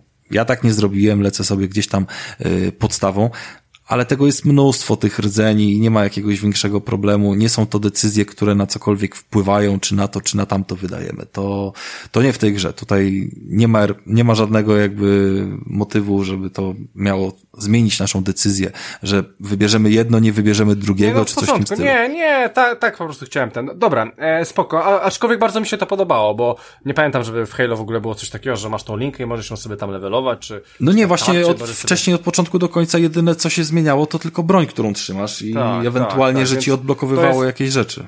E, no, nowy element, można powiedzieć, e, w serii Halo. E, czy miałeś e, wrażenie, że te bronie działają troszeczkę inaczej na różnych przeciwników? Że jedna, jedna broń działa lepiej na jakiegoś przeciwnika, a na innego gorzej, a później jest odwrotnie, że ta działa lepiej na tego, a gorzej na tego. Miałeś eee... jakieś takie wrażenie? Tak, mam takie wrażenie, szczególnie jeżeli chodzi o ich znaczy no wiadomo, pancerze, no to pancerze, pancerze też, ale tak, przede wszystkim no. chodzi mi o te ich osłony, które mają, tak? One tak, tak, są tak, o tak. wiele mniej trwałe w kontekście, załóżmy, broni pulsacyjnych, mocniej można je uszkodzić. Znaczy, no inaczej, są bronie, które po prostu radzą sobie z tym lepiej, a drugie gorzej, nie chcę teraz mówić, które z nich są które, no ale jakby trzeba potestować przy każdym gdzieś tam cięższym wrogu ale nie na tyle, żeby mnie to powiedzmy... Nie, nie, nie, to, to na, na tej zasadzie, że jest coś innego po prostu, że, że chujowa broń może na przykład dobrze działać na jakiegoś zupełnie innego przeciwnika, to chciałem powiedzieć. Myślę, że nie ma chujowych broni tutaj w zasadzie, wiesz, jakby każda po prostu jest kwestią okay. tego, czy się nauczysz z niej korzystać i czy umiesz, bo jakieś rażenie prądem, jakieś strzelanie po, po łuku takim, wiesz, że, że można za przeszkodą gdzieś tam trafić, e, jakieś ładowanie broni, jakieś snajperki, przy, przy, przybliżanie, wiesz, i tak dalej, to, to każda gdzieś tam czymś się trochę różni i z każdą można odpowiednio przyjemnie sobie polatać. No a jeżeli leżą jakieś tam, wiesz, standardowo najcięższe bronie to one mają raptem e, po dwie, po trzy sztuki amunicji i służą zwykle rozwaleniu jakiegoś grubasa, który gdzieś tam się dookoła kręci, nie? Mhm. E, no okej. Okay. E, jeszcze chciałem powiedzieć o jednej ciekawej rzeczy. E, mianowicie, nie, nie wiem czy wiecie, ale no, to jest gra Microsoftu, tak? Studio jest Microsoftu, więc gra jest Microsoftu. I tam jest e, dosyć fajny, dosyć fajna rzecz, e, spodobała mi się to nawet, że jak wiecie, na waszych Windowsach mamy, e, mamy asystenta głosowego, który nazywa się Cortana. I nie wiem, czy wiecie, ale w nowym Halo możecie zobaczyć tą Cortanę. Nie to, że, że będzie wam pomagała, ale możecie ją również zobaczyć. I to jest dla mnie takie, taka fajna opcja, że e, coś takiego jest. Ona chyba też występowała w ogóle w poprzednich częściach, e, ale Krystian, ja nie nawet... kompromituj się, no to była kluczowa postać, która Ta, w pierwszej części Halo nam tylko, jakby że, pomagała, tylko, tylko potem tylko, fabuła że... się trochę... W ogóle ja zachęcam ciebie, i no. innych, którzy do tej piątki chcą się jakby dobrać, a nie Piątki? Prze... Znaczy, no do, teraz do Infinite'a, sorry, do, do szóstki, tak? O, e, którzy chcą się dobrać do tej nowej części, ale nie chcą tych pięciu nadrabiać, bo to jest przygoda na trochę godzin i mm, no umówmy się, no gry dwudziestoletnie potrafią pomimo super remasterów, o których tutaj opowiadałem, e, jednak, e, jednak boleć. Mhm. E, polecam obejrzeć sobie filmik, który jest e, wrzucony nawet na e, Xbox Polska, gdzieś tam na YouTube. oglądałem, oglądałem go, Rafał. Oglądałem go do tego stopnia, że po pięciu minutach e, po prostu był chujowy i go wyłączyłem.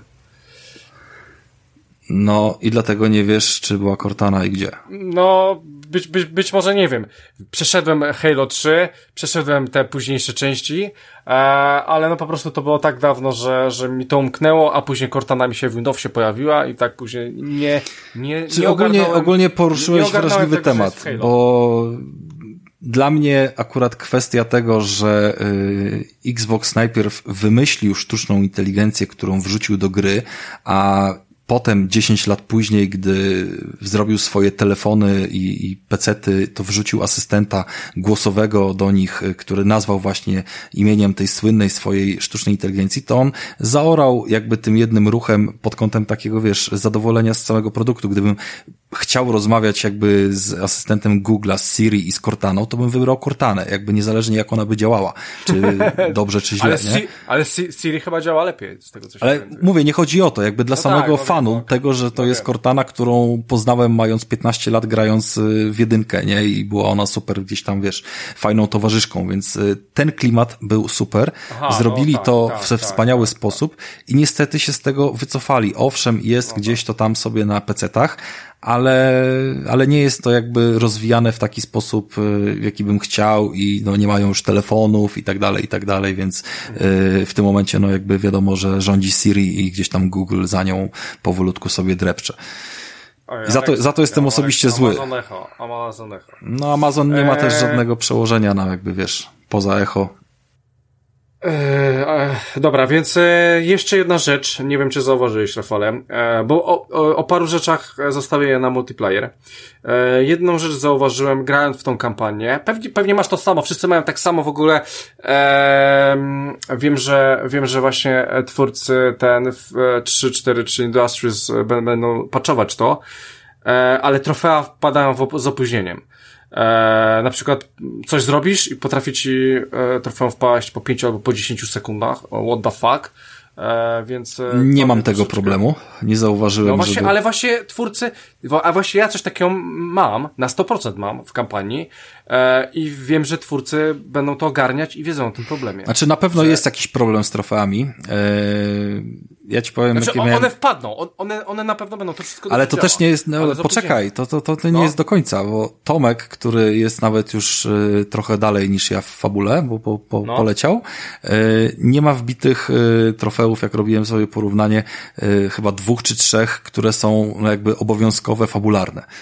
Czyli po prostu tam się coś tak zadziało, że mu nie weszło to trofeum i nie ma go zapisanego Ale myślisz, że faktycznie jest dalej, czy nie robi jakichś pobocznych misji? Nie, jest na 100% dalej, bo jedno trofeum pokazuje ci postęp w fabule całej i jakby, no wiem, że jest dalej, a tu mówimy o trofeach z samego początku gry, praktycznie gdzieś tam z prologu i, i on ma to ominięte, no po prostu, jakby mhm moment, w którym znajdujesz swoją sztuczną inteligencję i ją wkładasz sobie do głowy, tą, tą, która tutaj się nazywa bronią, tak?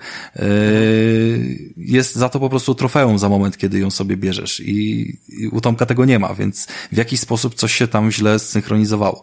Raczej to nie jest problem na aplikacji, bo aplikacja synchronizowała, kilka razy sprawdzałem, jakby yy, porównywałem nasz postęp, yy, akurat byłem ciekawy, gdzie Tomek jest, czy możemy gadać powiedzmy o jakimś fragmencie gry, czy, czy nie będzie spoilerów, mm, gdzieś tam tam strzelania wzajemnie.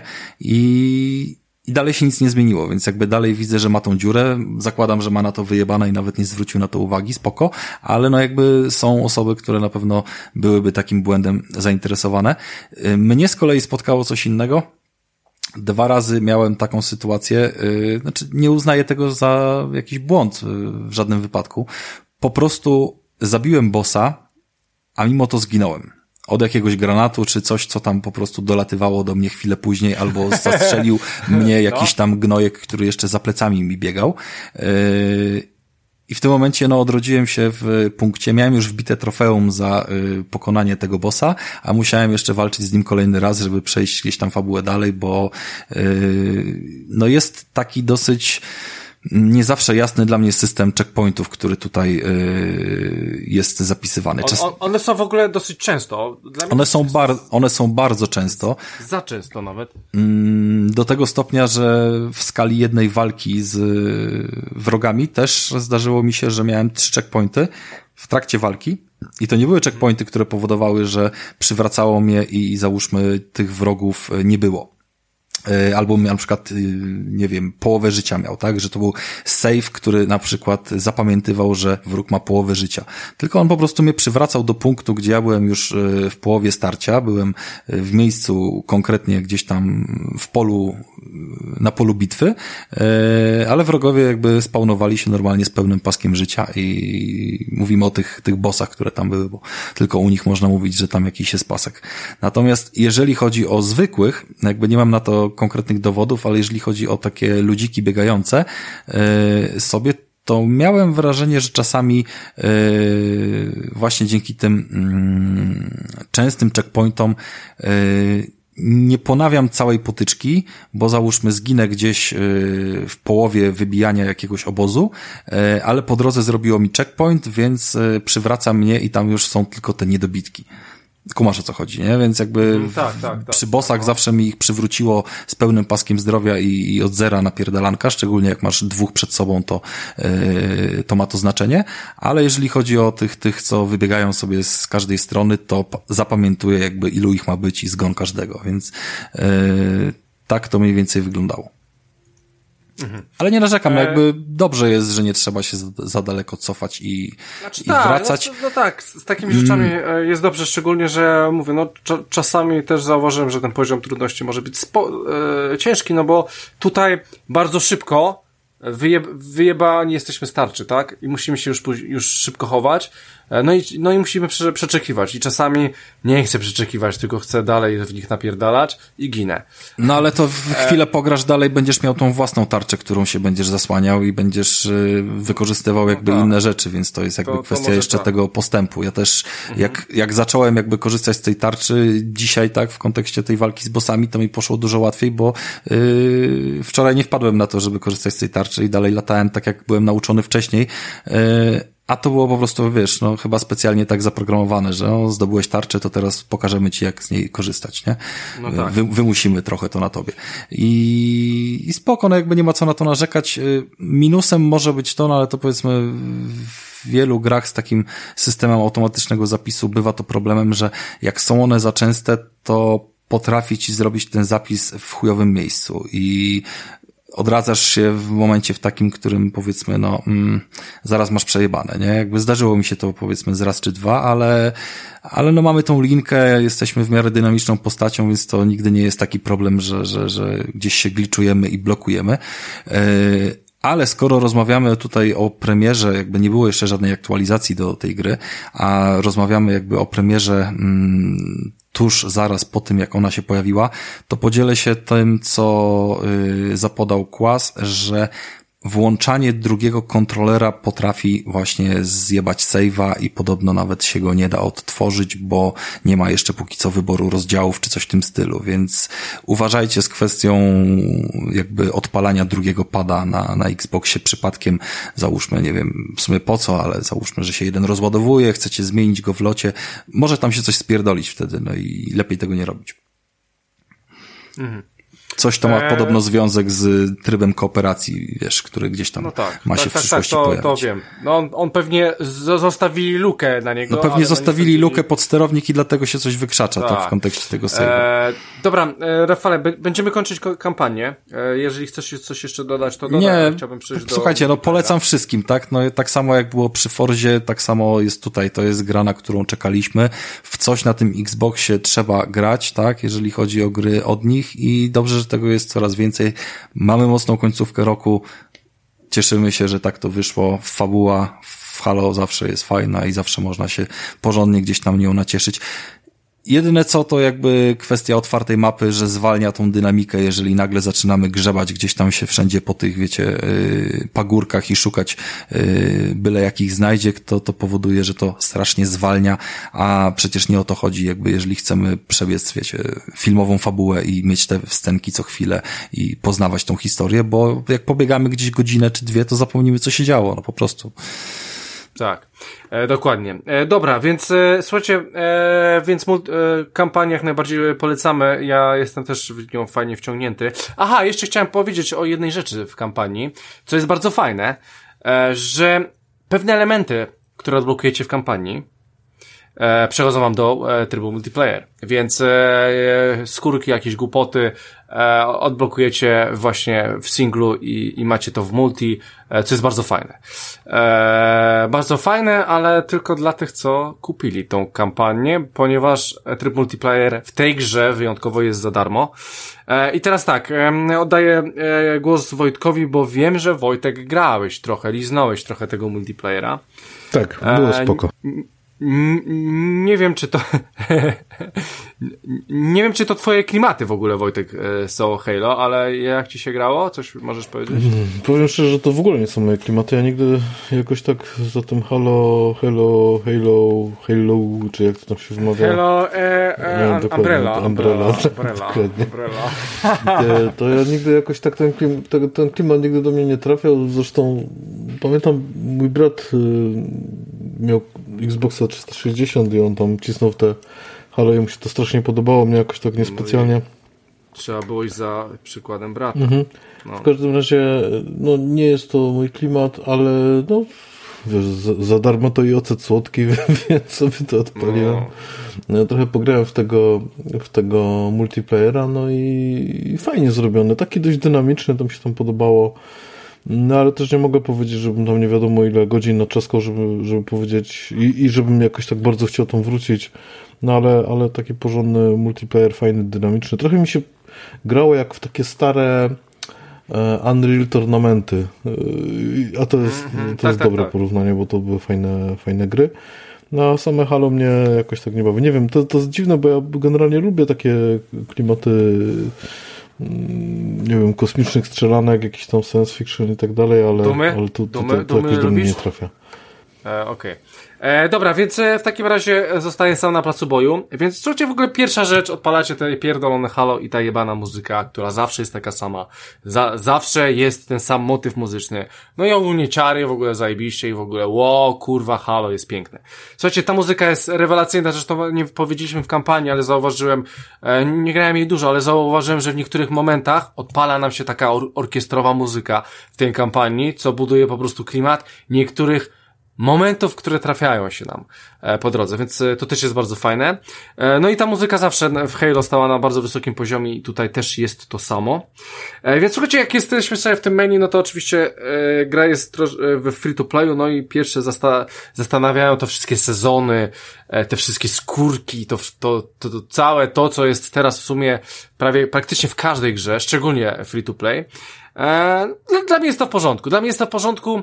Nawet się cieszę, że jest to e, w e, free to play, bo po pierwsze, dzieciaki i tak nie będą w to grały, bo to nie jest taki przyjemny tytuł, w który się po prostu gra i robi się, nie wiem, i śmiesznie ubiera swoją postać, jak w tych Apexach, Apexach, jak w tych Fortnite'ach. Tam, tam nie ma takich głupich rzeczy. Jeszcze, mam nadzieję, że nie będzie. Więc ogólnie to nie jest target dla dzieciaków, więc e, free to playka e, Halo spowoduje to, że na przykład taki Wojtek spróbuje, ale wiem, że taki, e, nie wiem, Marcin lat 8 nie zostanie z tą grą. E, na pewno nie zostanie, bo nie ma tam takich właśnie elementów e, TikTokowych, byśmy e, nawet powiedzieli, więc, więc free to play, free to play bar, da bardzo dużo temu Halo, szczególnie, że tak jak mówiłem wam, odpalałem właśnie wtedy, kiedy miałem Xboxa One, bodajże nie wiem, dwa lata temu go dopiero miałem i odpaliłem sobie Halo 5 to po prostu były pustki na tych serwerach. Wszyscy napierdalali e, stare Halo, tą kolekcję tych odświeżonych e, Halo, więc e, tak było właśnie. E, więc bardzo dobrze, bo tutaj nie będzie z tym problemu. Szczególnie, że nie będzie z tym problemu, ponieważ e, póki co e, mamy tylko trzy tryby gry, tak na dobrą sprawę. Nie liczę szkolenia i własnych aren.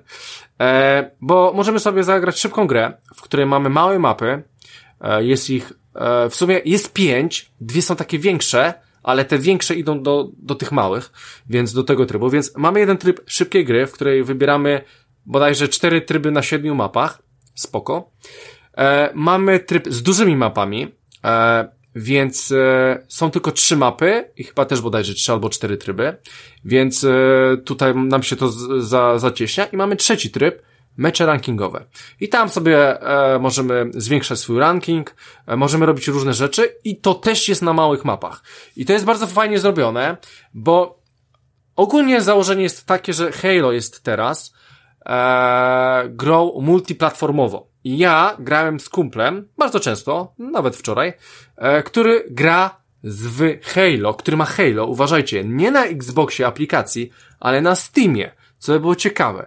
I on na początku miał jakieś problemy połączyć Steama z, z tym wszystkim, żeby się ze mną połączyć, jak, jak ja grałem na swoim Xboxie, ale w końcu mu się udało i autentycznie. On ściągnął grę ze Steama, ja grałem na Xboxie i graliśmy razem online, gadaliśmy normalnie e, na, na, na Xboxie, bo on odpalił e, Xboxową aplikację, bo tam musiał coś tam połączyć. Już, już, już nawet nie wiem, jak on to zrobił. W sumie e, nie interesuje mnie to, ale normalnie mogliśmy tak zagrać, więc gra jest multiplatformowa e, i przez e, tryby rankingowe, jak e, można sobie je jako jedyne je ustawić na dwa sposoby, Pierwszy sposób jest taki, że nie gramy z, z, z, osobami, które mają myszkę i klawiaturę. Akurat mój kolega ze Steamu gra na myszce i klawiaturze, na klawiaturze, więc na taką osobę bym nie trafił w trybie rankingowym. Super.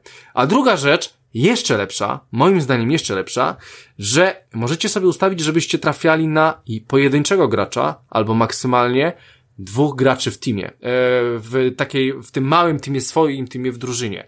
Więc nie wpierdoli wam się klan czterech osób i nie zagracie czterech na czterech przeciwko macie trzech ra randomów u siebie i przeciwnicy będą czterech, nie wiem, z jakiegoś dojebanego klanu, no bo w ogóle to mija się z celem, więc można to wyłączyć w rankingowych meczach, więc po prostu rewelacyjnie, świetna, świetna w ogóle, świetny w ogóle zamysł i idea właśnie meczów rankingowych. Tak to powinno wyglądać. Nie chcę grać z Wojtkiem, bo wpierdoli nowe mody, wyjebane wyłączam go i, i już na niego nie trafię. Super.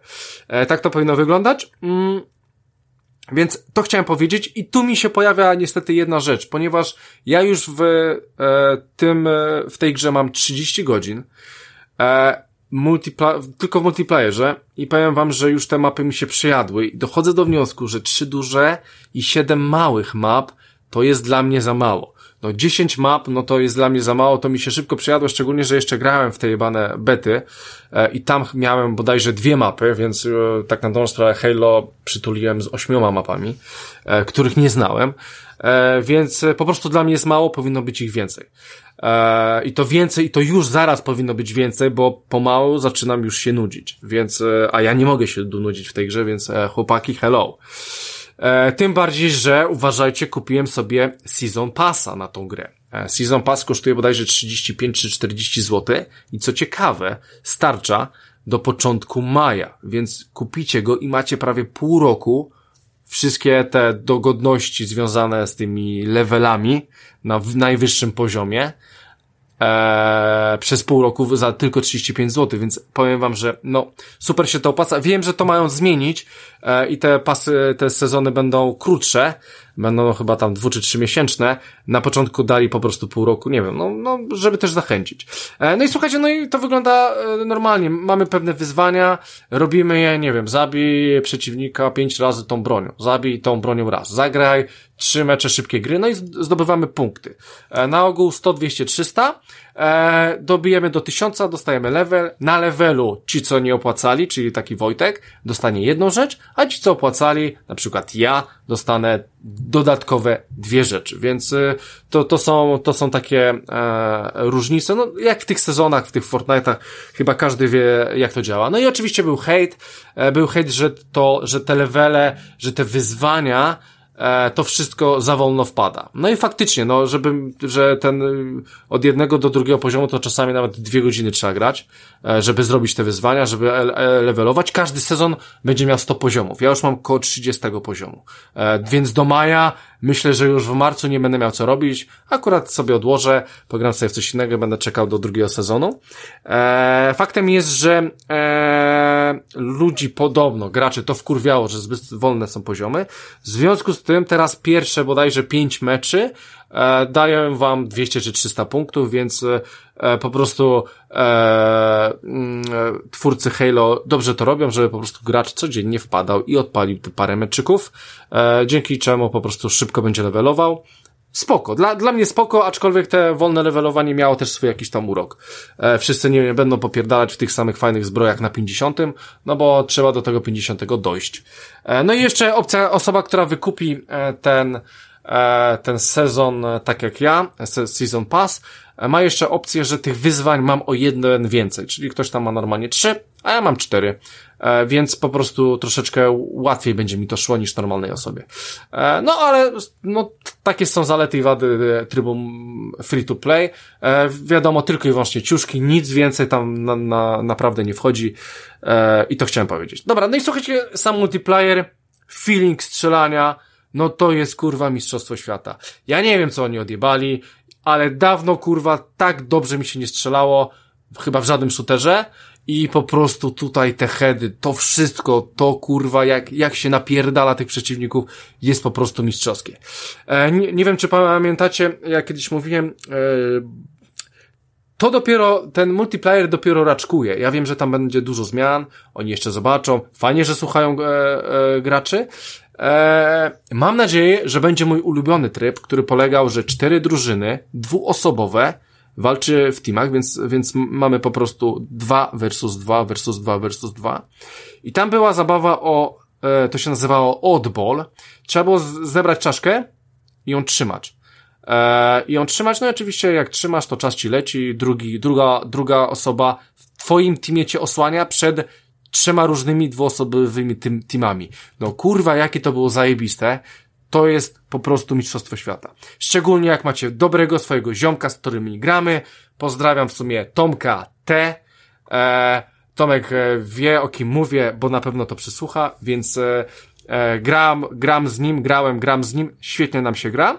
I właśnie taki tryb by był idealny, żeby właśnie sobie, ej Tomek, dawaj, wbijamy, gramy sobie e, małe drużyny. Czekam na taki tryb, ale E, może nie ma dwuosobowych, e, nie ma, nie ma czterech drużyn po dwa, ale, ale po prostu e, opcja z czaszką jest, tylko po prostu są to e, 4 versus 4 i powiem wam, że tam jest taki rozpierdol, tam po prostu trzymasz tą czaszkę i strasz po gaciach, a trzech na ciebie biegnie, no i jak masz czaszkę, nie możesz nic zrobić.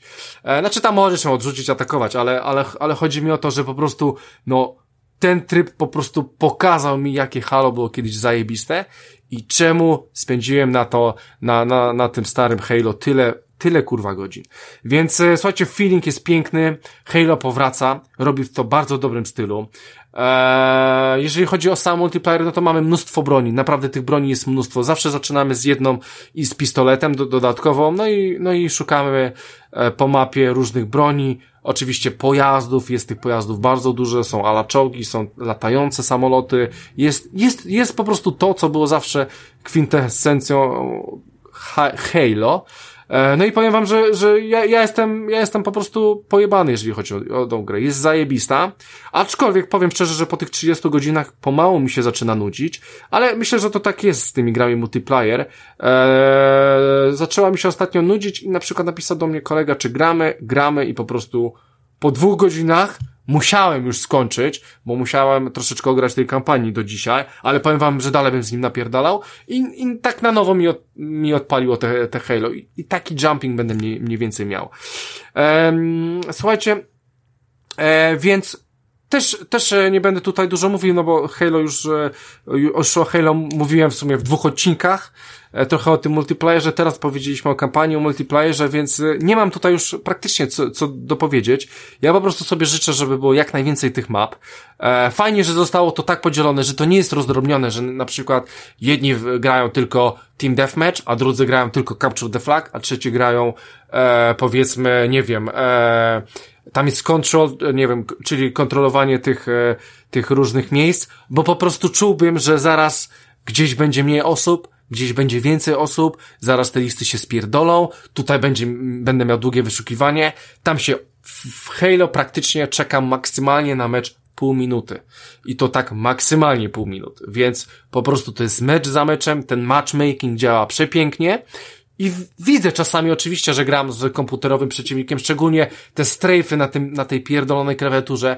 Mnie to tak wkurwia, Eee, ale niestety nie można jeszcze wyłączyć multi, multiplatformowe granie e, na normalnych trybach, tylko na rankingowym, więc na, na razie to zostawiam, ale po prostu widzę, jak przeciwnik porusza się szybko w prawo, w lewo, w prawo, w lewo i wiem, że to jest robione kurwa na klawiaturze, bo tak szybko jest ciężko ogarnąć na padzie. Może nawet by było, ale no nie aż tak szybko. Czasami się coś takiego zdarza i po prostu ciężej jest trafić e, ta, taką osobę.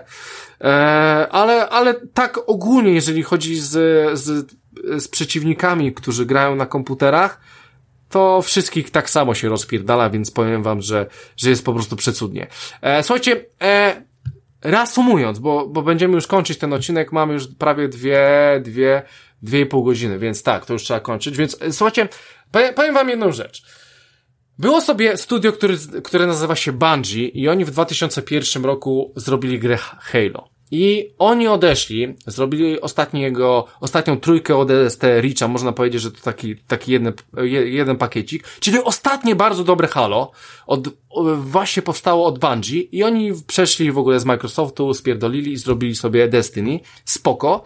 I od tego czasu studio 343 Free for Free Industries wzięło, wzięło ten tytuł i zaczęło robić e, Halo. Zaczęli oczywiście, e, najpierw był ten remake starego Halo, później zrobili czwórkę i tak dalej, wszystkie te warsy, strategie, piątkę i moim zdaniem nie potrafili zrobić to, co zrobiło Bungie e, z trójką. No, nichuja nie udawało im się to, czegoś im tam zabrakło, to wszystko było takie miałkie, było średnio, ale w końcu, po tych 10 latach, od tego 2011 roku, jak zaczęli bawić się w tą serię, po 10 latach, w końcu, moim zdaniem, doścignęli Bungie, a nawet nie wiem, czy nie zrobili tego jeszcze dalej i po prostu nie prześcignęli Bungie właśnie z trójką, bo nie wiem, czy Infinite jak dla mnie nie jest najlepszą w ogóle grę, e, w ogóle grę, grą w ca całej serii Halo. Więc e, ja jestem tym, z tym szokowany, że im po prostu się to udało, bo, bo myślałem, że Infinite będzie taki sobie. Znaczy, myślałem, że będzie dobry, ale, ale nie wiedziałem, że będzie aż tak dobry, aż, aż tak rozpierdalający. Aż tak, że po prostu, e, co? Co? Gramy? Pewnie, że gramy. Ej, dobra, ja muszę grać. Idę, idę grać w Halo.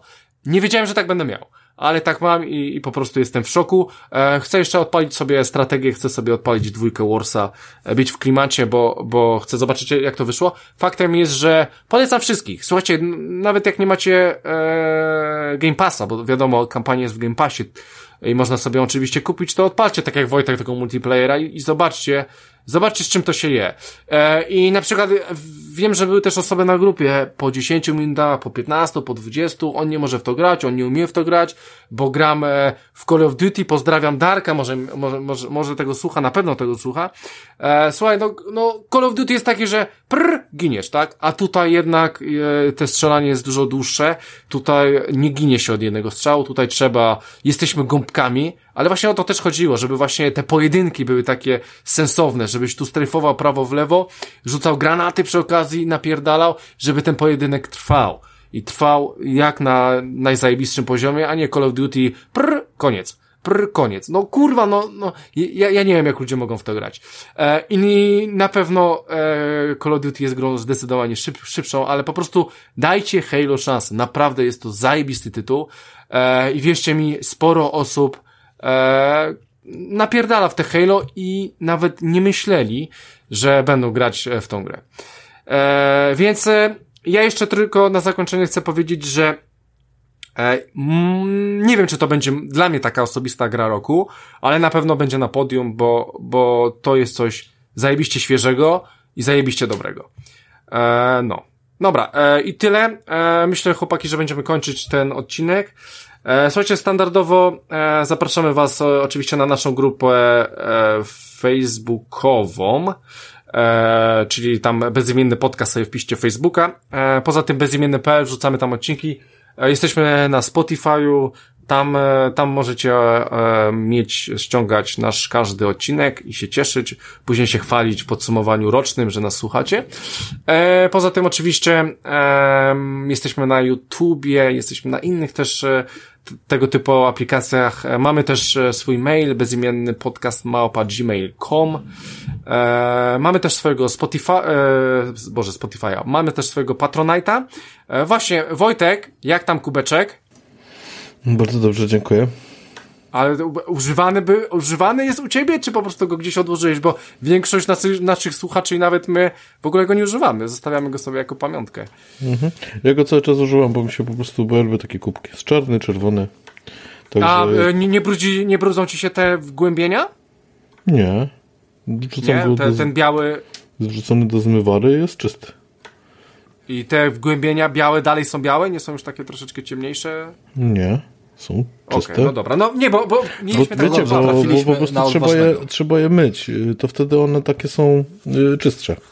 No okej, okay, ale no właśnie, właśnie była obawa, że po prostu będzie... No w sensie, że tam nie masz kliwa i że ten, wiesz, jakby ten fragment się przebarwi od... od nie, no dobrze tam... wiem o co chodzi. Nie, no jest spoko, no ale to nie jest tak, że ja cały czas z tego kółka piję, po prostu po prostu czasem sobie z niego piję. No. Jest w kolekcji kubków y, używanych. Okej, okay, bardzo dobrze. Eee, Okej, okay, więc e, słuchajcie, no to, no, to, no to takie rzeczy też możecie dostać właśnie za Patronite'a. Z Patronite'a możecie sobie e, wpaść i sobie zobaczyć. Eee, czy coś jeszcze, no, czyli ogólnie jesteśmy wszędzie. Eee, Instagramy, Rafał rzuca ciekawe rzeczy z gier, eee, Twittery, jesteśmy po prostu wszędzie. E, no i słuchajcie, będziemy kończyć ten 199 odcinek. Ja już zapowiedziałem e, na początku, że będzie jeszcze jeden w tym roku, dwusetny. Coś tam planujemy. Zobaczycie sami. Nie wiem jeszcze kiedy. To się do, do końca ukaże. Na pewno będzie w tym roku. My sobie to nagramy, ale kiedy to wam udostępnimy, to jeszcze, jeszcze nie mamy koncepcji. E, no i tyle. E, no i w sumie tyle. W Sylwestra będziecie słuchać, kurwa. No właśnie, jak będzie Sylwestra, to, to powinniśmy chyba powiedzieć Wesołych Świąt, Rafał, co? Przed świętami na pewno go nie opublikujemy, więc chyba tak, chyba będziemy się żegnali poprzez Wesołych Świąt. Mikołaja nie ma, bo zapierdala na prezenty dla was, żeby już teraz porozmawiać. Dokładnie tak. Wszystko o co chodzi. Mm, no, więc y, ogólnie, no tak, no to wesołych świąt no i ja tam życzę wam, żeby, żeby, żebyście trwali w tym graniu tak długo jak my i y, żebyście grali, y, trwali w tym graniu tyle, co my w nagrywaniu podcastów. E, w sumie to, co mam mogę powiedzieć w dwusetnym odcinku i w sumie, żeby ten przyszły rok był tak samo dobry growo jak ten, bo ten mi się bardzo podobał. E, tak. E, jeszcze, e, też chcesz życzyć Wojtku naszym słuchaczom wesołych świąt? Oczywiście, wesołych świąt. I, e, okay. I co jeszcze mogę no. powiedzieć? Ja mogę powiedzieć, żeby wbijali na waszego Discorda, bo nie wiem, czy to wybrzmiało. Macie Discorda w, w końcu. w tak, końcu no, wam tak. się udało zrobić Discorda, także gratuluję. Yy, wbijecie na Discorda. My o tym nie mówimy, bo on nie żyje. Jest no, jak no, no. to no, jest może Resident właśnie Evil Discord taki klimat. Trzeba zaprosić ludzi, żeby, żeby ożył. Także, nie no, zapraszamy oczywiście. My z na każdego... zachętę powiem, że zaraz wrzucę informację, dlaczego Mikołaj nie przyniesie prezentów pod choinkę. Wrzucaj, okay. wrzucaj taką informację. A może y, myślałeś o, o takim rozwiązaniu, Wojtek, y, żeby zamiast w jakieś streamingi dziwne, jakieś takie urządzenia, coś i tak dalej, to na przykład jakiegoś Xboxa tam postawić obok tego telewizora? No właśnie. Oczywiście, że myślałem. Właśnie. Oczywiście, że myślałem, ale chyba nie będziemy już przedłużać dzisiaj tego odcinka. Także jak najbardziej zastanawiam się nad tym. Nie no, jakby wiesz, ty nas nie musisz przekonywać, my ciebie przekonamy w razie czego yy, poradzimy wszystko i tak dalej, już poza, poza jakby anteną, poza nagraniem, więc no życzę, żeby Mikołaj był tam dla ciebie odpowiednio. Mm, okay. żeby, żeby ci przyniósł czarnego, a nie białego, jak już.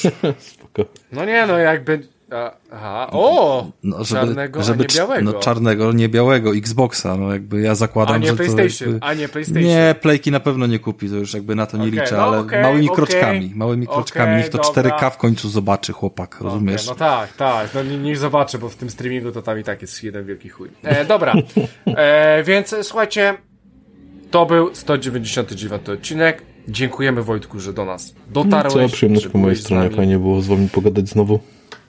E, tak, i słuchajcie, kończymy ten odcinek. Ja miałem na imię Christian, Kender i dalej mam. E, ze mną nagrywał dzisiaj Rafał Radomyski. Cześć wszystkim i wesołych świąt również ode mnie. E, I był z nami Wojtek Kocjan. Byłem, jestem. Cześć. E, a to był e, podcast bezimienny. Więc do usłyszenia, drodzy słuchacze. Trzymajcie się. Hej!